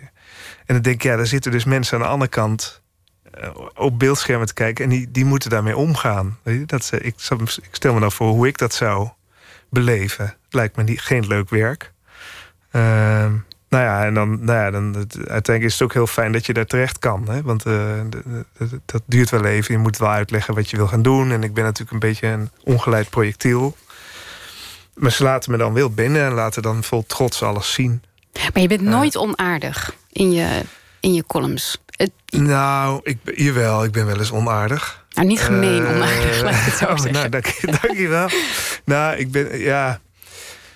Ik, eh, ik, ik, ben, ik zit zelfs persoonlijk niet zo in elkaar. Dat ik, uh, dat ik heel fel of heel... Uh, ben wel eens boos. En dat schrijf ik ook wel op. Bijvoorbeeld wat Daan Rozengaarde met de afsluitdijk heeft gedaan. Dat, dat vind ik heel erg. En dan schrijf ik wel, ja, ik, ik schrijf misschien niet boos op, maar ik denk dat het wel duidelijk wordt dan. Maar ik heb wel heel veel begrip. Als er de een, eentje die zal me altijd bijblijven. Er stond een, man op de voorpagina van het AD. Uh, eh, volgens mij werd hij ook echt zorgbobo genoemd. Uh, of de man van drie ton. En dat was een man die in een, in een, in een organisatie die was eruit gegooid en had drie ton meegekregen aan, aan ontslagvergoeding eerste wat ik denk van wat is dat voor een lul? Weet je, wat is dat voor. Dat denkt eh, iedereen, denk ik. Ja, en, uh, dus de, en toen dacht ik, ja, er wordt allemaal over die man geschreven. En ik bel hem eens op en ik kreeg hem aan de lijn. En hij zei, kom maar langs. En hij heeft me helemaal uitgelegd hoe dat gegaan is. En eigenlijk was het een heel klein, speelde in een dorp ook nog. Een heel klein uh, drama tussen twee mensen die allebei de baas wilden zijn van, een, van zo'n bejaardenhuis wat helemaal was meegesleept in de, in de vrije marktideologie van elk bejaardenhuis moet een voorzitter raad van bestuur hebben. Je bent geen directeur meer, maar je moet. En dito salariering erbij natuurlijk. Dus dat vond ik veel mooier. Dus ik heb een paar uur met hem in zijn achtertuin gezeten. Ja, en dan krijg je toch een ander beeld van de zorg Bobo. En dat, daar, daar hou ik van, de andere kant. Heb je, ehm, kan je met, met iedereen dus even makkelijk praten? Met de mensen van de snackbar en de, en de zorgbobo? En dat kost je geen enkele moeite? Nou, het kost wel moeite, ja. Nou ja, nee, het is, ik vind niet echt. Ik was, was maandag toevallig bij. Uh, uh, tussen de ambtena hoge ambtenaren, die zichzelf uh, overheidsmanagers moeten noemen. bij de verkiezing van de overheidsmanager van het jaar. En dan kom ik daar binnen en dan voel ik, moet ik wel echt door een soort weerstand heen. Of weerstand met een soort idee van ik hoor hier niet bij. Weet je, ik moet dan wel even diep ademhalen en dan, uh, en dan lukt het meestal wel. Of ik was in Etteleur, op, dat ging over normale Nederlanders. Uh, en Etteleur, een van de normaalste gemeentes van Nederland. Er is een ranglijst van. Ja, en dan lopen door de Jumbo mensen aan te spreken. Of, ze, of ze zich normale Nederlanders voelen. Die mensen denken, komt hier een gast uit Amsterdam van de, van de Volkskrant... die komt even aan mij dat vragen. Weet je, ik vind dat nog steeds heel lastig. Maar ik heb nu wel sneller door of, het zin heeft om door te praten met iemand. Ik heb al... Ik, moet echt een klik hebben met, met iemand. Dus uh, inderdaad in, in, het, in de frituur, Piet Friet lokale, eh, zeer beroemde frituur. Er stond Dennis eh, voor de, eh, achter de toonbank. En daar, daar, had ik gewoon iets mee. Dus dan, ja, dan praat ik heel lang met hem over dingen, leven, wat hij wil verder. Hoe die, en er komt uiteindelijk maar een paar zinnen van in het stukje. maar dat zoek ik eigenlijk wel. Dat je ergens, ik denk van, oh ja, nu begrijp, nu begrijp ik het een beetje. Kun je het zien wanneer het klikt? Kan je dat een beetje aanvoelen inmiddels? Of moet je eerst langs acht mensen met wie het niet klikt? Nee, nee zo, zo gelukkig niet. Ik kan wel goed met mensen, volgens mij. Nee, ik voel het altijd wel. Ik voel wel vrij snel van, oh ja, dit is, dit is iets... Nou ja, het werkt ook wel heel praktisch hoor. Want ik denk dat ik ben natuurlijk ook wat dat betreft gewoon journalist op zoek naar mooie dingen. Uh, dus dus ik, ik ben ook heel erg aan het, aan het, aan het zoeken van uh, wat, nou ja, zit hier een mooie citaat in? Of vind ik hier wat ik wat ik, uh, wat ik wil vinden. Uh, dus zo gaat het ook wel. Maar het leukste is als je echt iets, iets krijgt met iemand. Dat je, maar de zal, ja, dat heeft elke journalist natuurlijk. Maar dat, en voor dus, ik heb er de tijd voor. Ik kan, ik kan twee dagen besteden aan, een, aan zo'n stuk. Wat heel riant is. En ik heb het ook echt nodig. maar dat geeft me wel veel. Ja, ik kan, kan vrij diep gaan, zeg maar. Het zijn ook hele mooie geschreven stukken, vind ik. Er blijkt ook een soort liefde uit voor taal. Of misschien een, een niet-liefde voor ambtelijke taal. Ja, ik moet me altijd inhouden. Want bij die overheidsmanagers was ik ook weer geneigd om, om op te schrijven wat ze zeggen. Het wordt, nou ja, ja, nee, ik hou, ik hou enorm van taal. En uh, ik vind ook dat, dat de manier waarop mensen taal gebruiken heel veel zegt over hoe ze in het leven staan. En dat, dat zie je uh, op allerlei niveaus. Hè. Hoe, zo'n jongen bij Piet Friet praat, bijvoorbeeld. Of hoe inderdaad een, manager of een bestuurder praat. En, en wat dat betreft ben ik wel, daar ben ik wel best wel boos over eigenlijk. dat taal ook wordt gebruikt als een soort zwachtel, wat maar om alles heen wordt gedraaid. En dat zie je heel duidelijk bij Mark Rutte natuurlijk. Um, en andere politici. En dat, ja, nou, ik, ja, ik ben er altijd heel erg gespitst op. Ja. We gaan naar de kaarten. Ja. Je mag de bak open doen. Het is echt een. Je zei net al, het is een echte bak. Ongelooflijk. Ja, we doen dat met een echte bak met kaarten. Je mag niet ja, spieken. Mag niet je mag spieken, er gewoon dus mag de eerste pakken. hoef ik niet voor te lezen. Ik moet gewoon één uh, random. Uh, ja, dit wordt hem. Dit wordt hem. Wat waardeer je in je vrienden? Ja. Zo. Bij de psycholoog zit hier, eh, toch?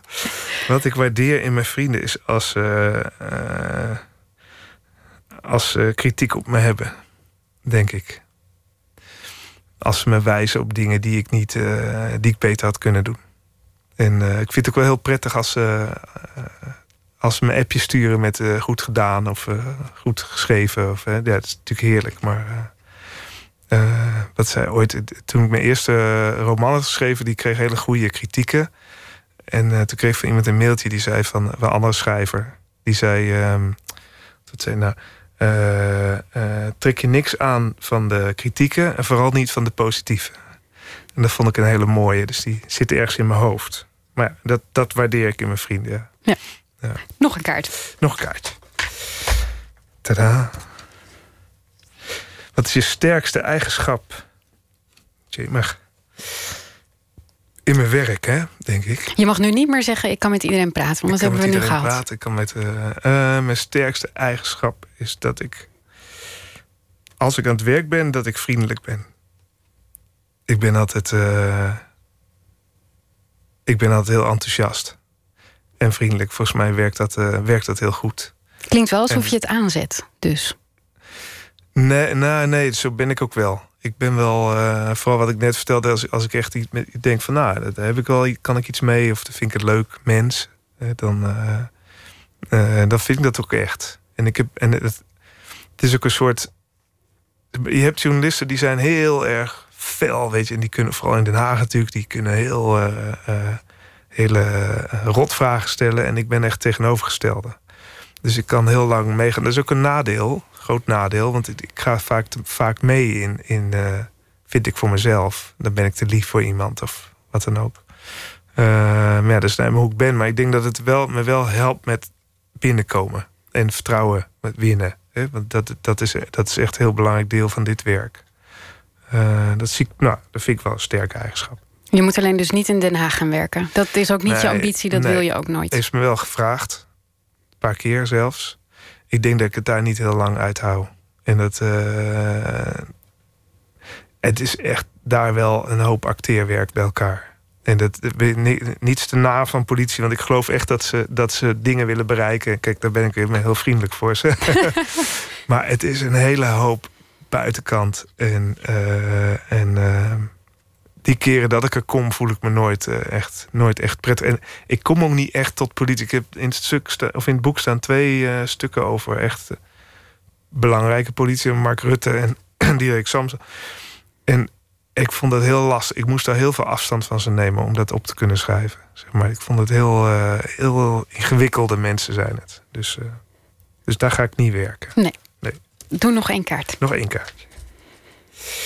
Wanneer wist je dat je dit werk wilde doen? Oh, nee, die weet ik precies. Toen was ik zeven jaar. En mijn opa die vroeg: wat voor werk wil je laten gaan doen, jongen? Ik had echt een school, die, hij was schoolmeester geweest. Dus echt zo'n. Zei ik journalist. En ik wist niet wat het betekende. Dat kan ik me ook herinneren. Maar ik vond het zo mooi. Klink, klonk een beetje naar directeur of zo. Weet je, zo'n mooi woord. maar het was al. Ik ben al. Ik wist het toen al. Ik maakte. Ik ben net verhuisd. En de, dan ga je alle oude archiefdozen en zo door. Van wat hou je en wat niet.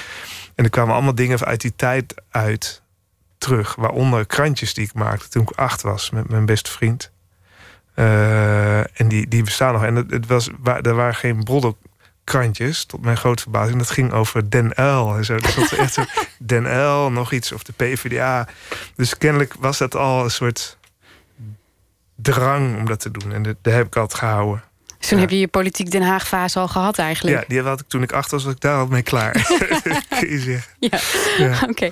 Nou, uh, jouw boek heet uh, Nederland ligt er prima bij. Dank je wel, Twan Heijmans. Geen dank.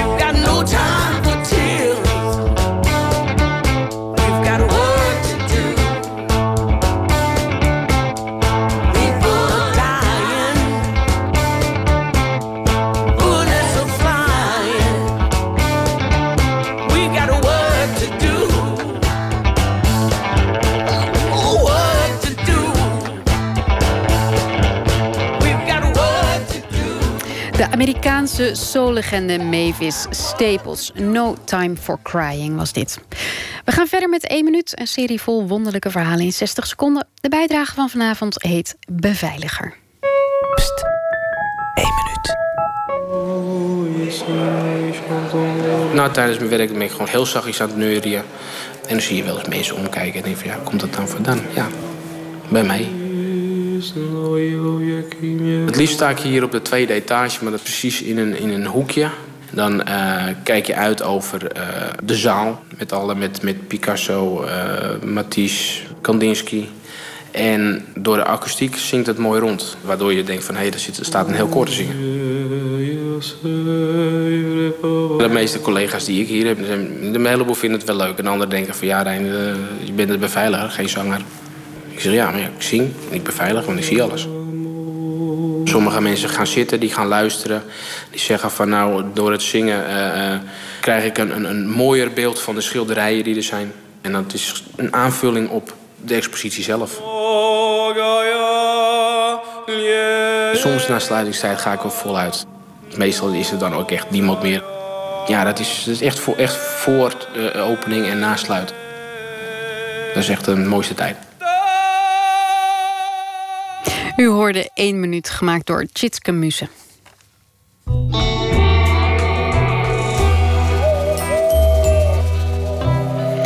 Elke week vragen we een schrijver of dichter om met proza te reageren op het nieuws van de voorbije dag. En deze week doen we dat met Erik Jan Harmens. Dit jaar publiceerde hij al twee boeken. Paul over zijn autistische zoon en het kinderboek Hans is kwijt. Eerder schreef hij onder andere het sterk autobiografische Hallo Muur. Goedenacht, Erik Jan. Goedenacht, Floortje. Vertel, wat voor uh, nieuws uh, vond jij inspirerend vandaag? Nou, ik moest eerst even bijkomen natuurlijk van het feit dat ik gisteren bij jullie uh, een verhaal had over Bobby Eden. Ja. Heb je daar veel dat, reacties op gehad? Ja, maar ook van de diva zelf. Dus dat was natuurlijk wel een grote eer. Wat, wat zei ze dan? nou, even kijken, moet ik er even bijpakken. Um, ik had natuurlijk geschreven over dat er een, een stukje over haar... Uh, dat er een soort kop over haar was van Bobby Eden plast staand. Ja. Dat was de kop. Ik had daar, het was mij gelukt om daar niet op te klikken. Dus daar ging mijn column van afgelopen nacht over. En zij reageerde dan um, met de regel... sommige dingen moet je ook niet willen weten. dat was toch wel heel grappig. maar dan weet je nog steeds niet hoe het zit.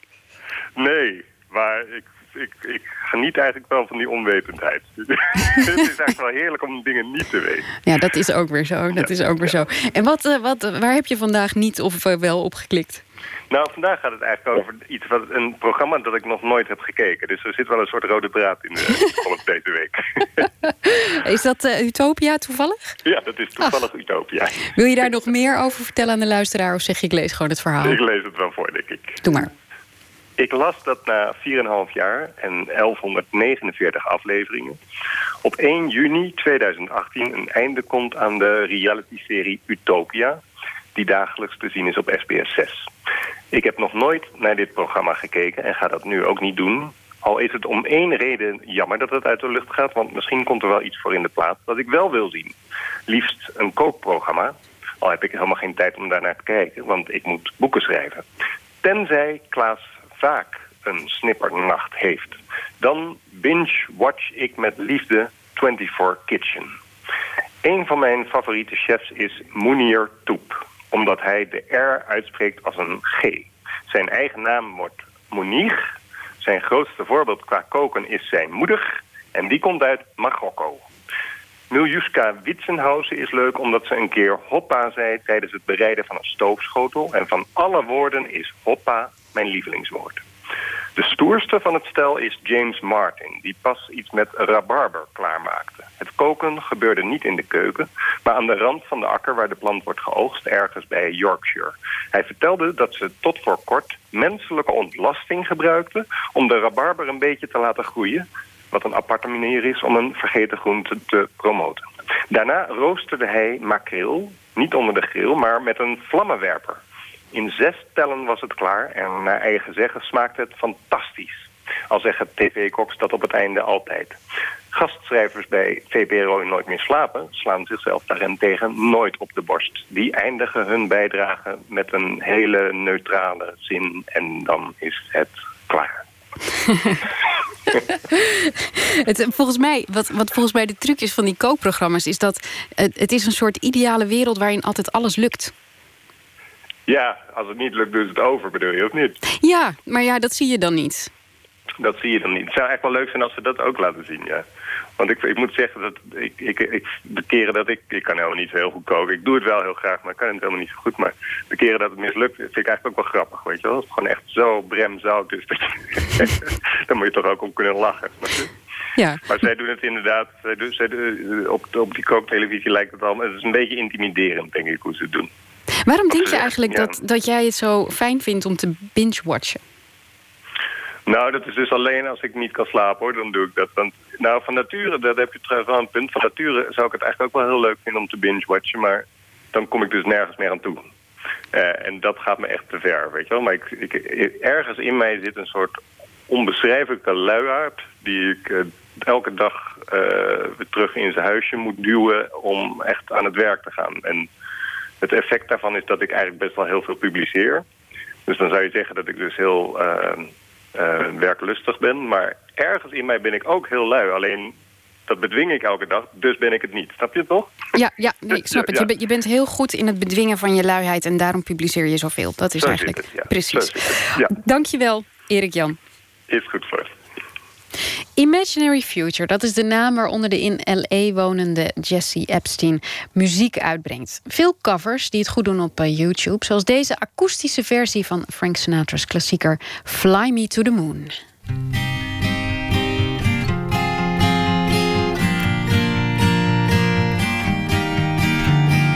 Fly me to the moon, let me play among the stars.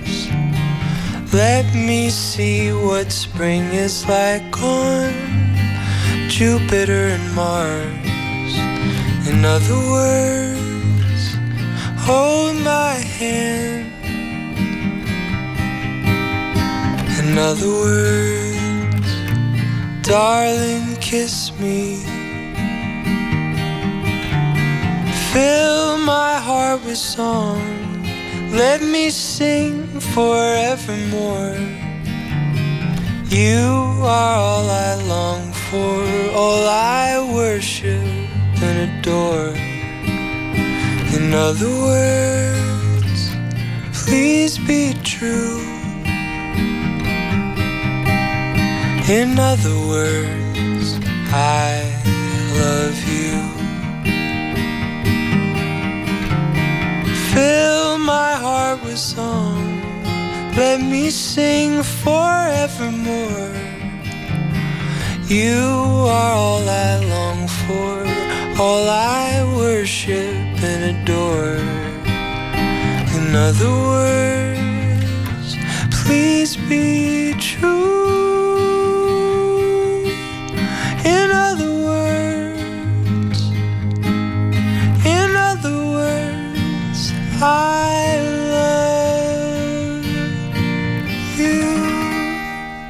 Fly Me to the Moon was dat van Frank Sinatra, maar hier vertolkt door Imaginary Future.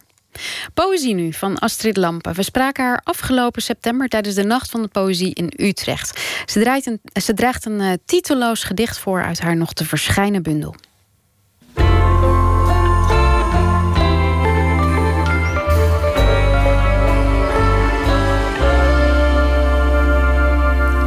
De rolstoel houdt die afwijking naar rechts. Laat ons in de koelvitrine op linksdraaiende yoghurt stuiten. De geschiedenis haalt ons in. Een koloniaal verleden buikt uit de grootverpakking. De lekkende inhoud van blikconserven neemt de kleur aan van fout karma. Collectief en hoog te paard vergaard. Voorbij de houdbaarheidsdatum valt een held van zijn voetstuk. Lettervermicelli verlengt de manen van de strijd tot in de poëtische stroom, die met één gespecht neusgat niet ons nomade bestaan, wel je zeezieke braken uit dit oevergas spoelt, ons strijdbaar rechtop zet. Zo zie je maar de badpakronde melkflessen van benen, lauweren de geoefende zwemmer. Helemaal nu de zonnebloemen weer eens vreselijk in de bonus zijn. Nu de mainstream de menigte downtown blijft voeren, nemen wij als een haas deze zalmtrap en korsten weg naar de paaigronden. Ja, net als uh, in het vorige gedicht, uh, gedicht Die Taliban heb je hier het koloniale verleden. En uiteindelijk vind ik de, belangrijkste overgang ook weer wanneer het niet meer alleen maar de winkel is, maar wanneer je de, uh, de strijd verlengt tot in de poëtische stroom. En daar gaat dus van alles gebeuren. En ehm, ja, het heeft al, altijd, mijn gedichten hebben altijd met ehm, overleven te maken. En met sterke mensen. En met eh, mensen die niet praten, maar vooral doen. En op die manier uh, ja, beloond worden door, dat, door, door er gewoon te zijn, te staan en aan de slag te gaan. De rolstoel houdt die afwijking naar rechts. Laat ons in de koelvitrine op linksdraaiende yoghurt stuiten. De geschiedenis haalt ons in. Een koloniaal verleden buikt uit de grootverpakking. De lekkende inhoud van blikconserven neemt de kleur aan van fout karma. Collectief en hoog te paard vergaard. Voorbij de houdbaarheidsdatum valt een held van zijn voetstuk.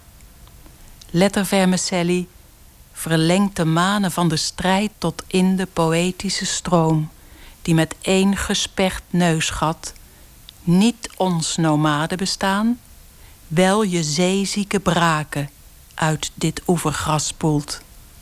Onstrijdbaar rechtop zet. Zo zie je maar. De badpakronde. Melkflessen van benen lauweren de geoefende zwemmer. Helemaal nu de zonnebloemen weer eens vreselijk in de bonus zijn. Nu de mainstream de menigte downtown blijft voeren, nemen wij als een haas deze zalmtrap en kortste weg naar de paaigronden. Hoorde Astrid Lampen en haar nieuwe dichtbundel zal in 2018 eh, verschijnen. Morgen dan komt Adelheid Rozen langs. Zij is actrice, theater en documentairemaakster. Ook is ze artistiek leider van Zina en de Female Economy. Vanaf deze week gaat ze zorgorganisaties en theaters langs met de voorstelling Mam on Tour. Hierin wordt ook de documentaire die ze over haar moeder maakte vertoond en uh, die overleed aan Alzheimer. Dat onder meer morgen. Wie weet tot dan.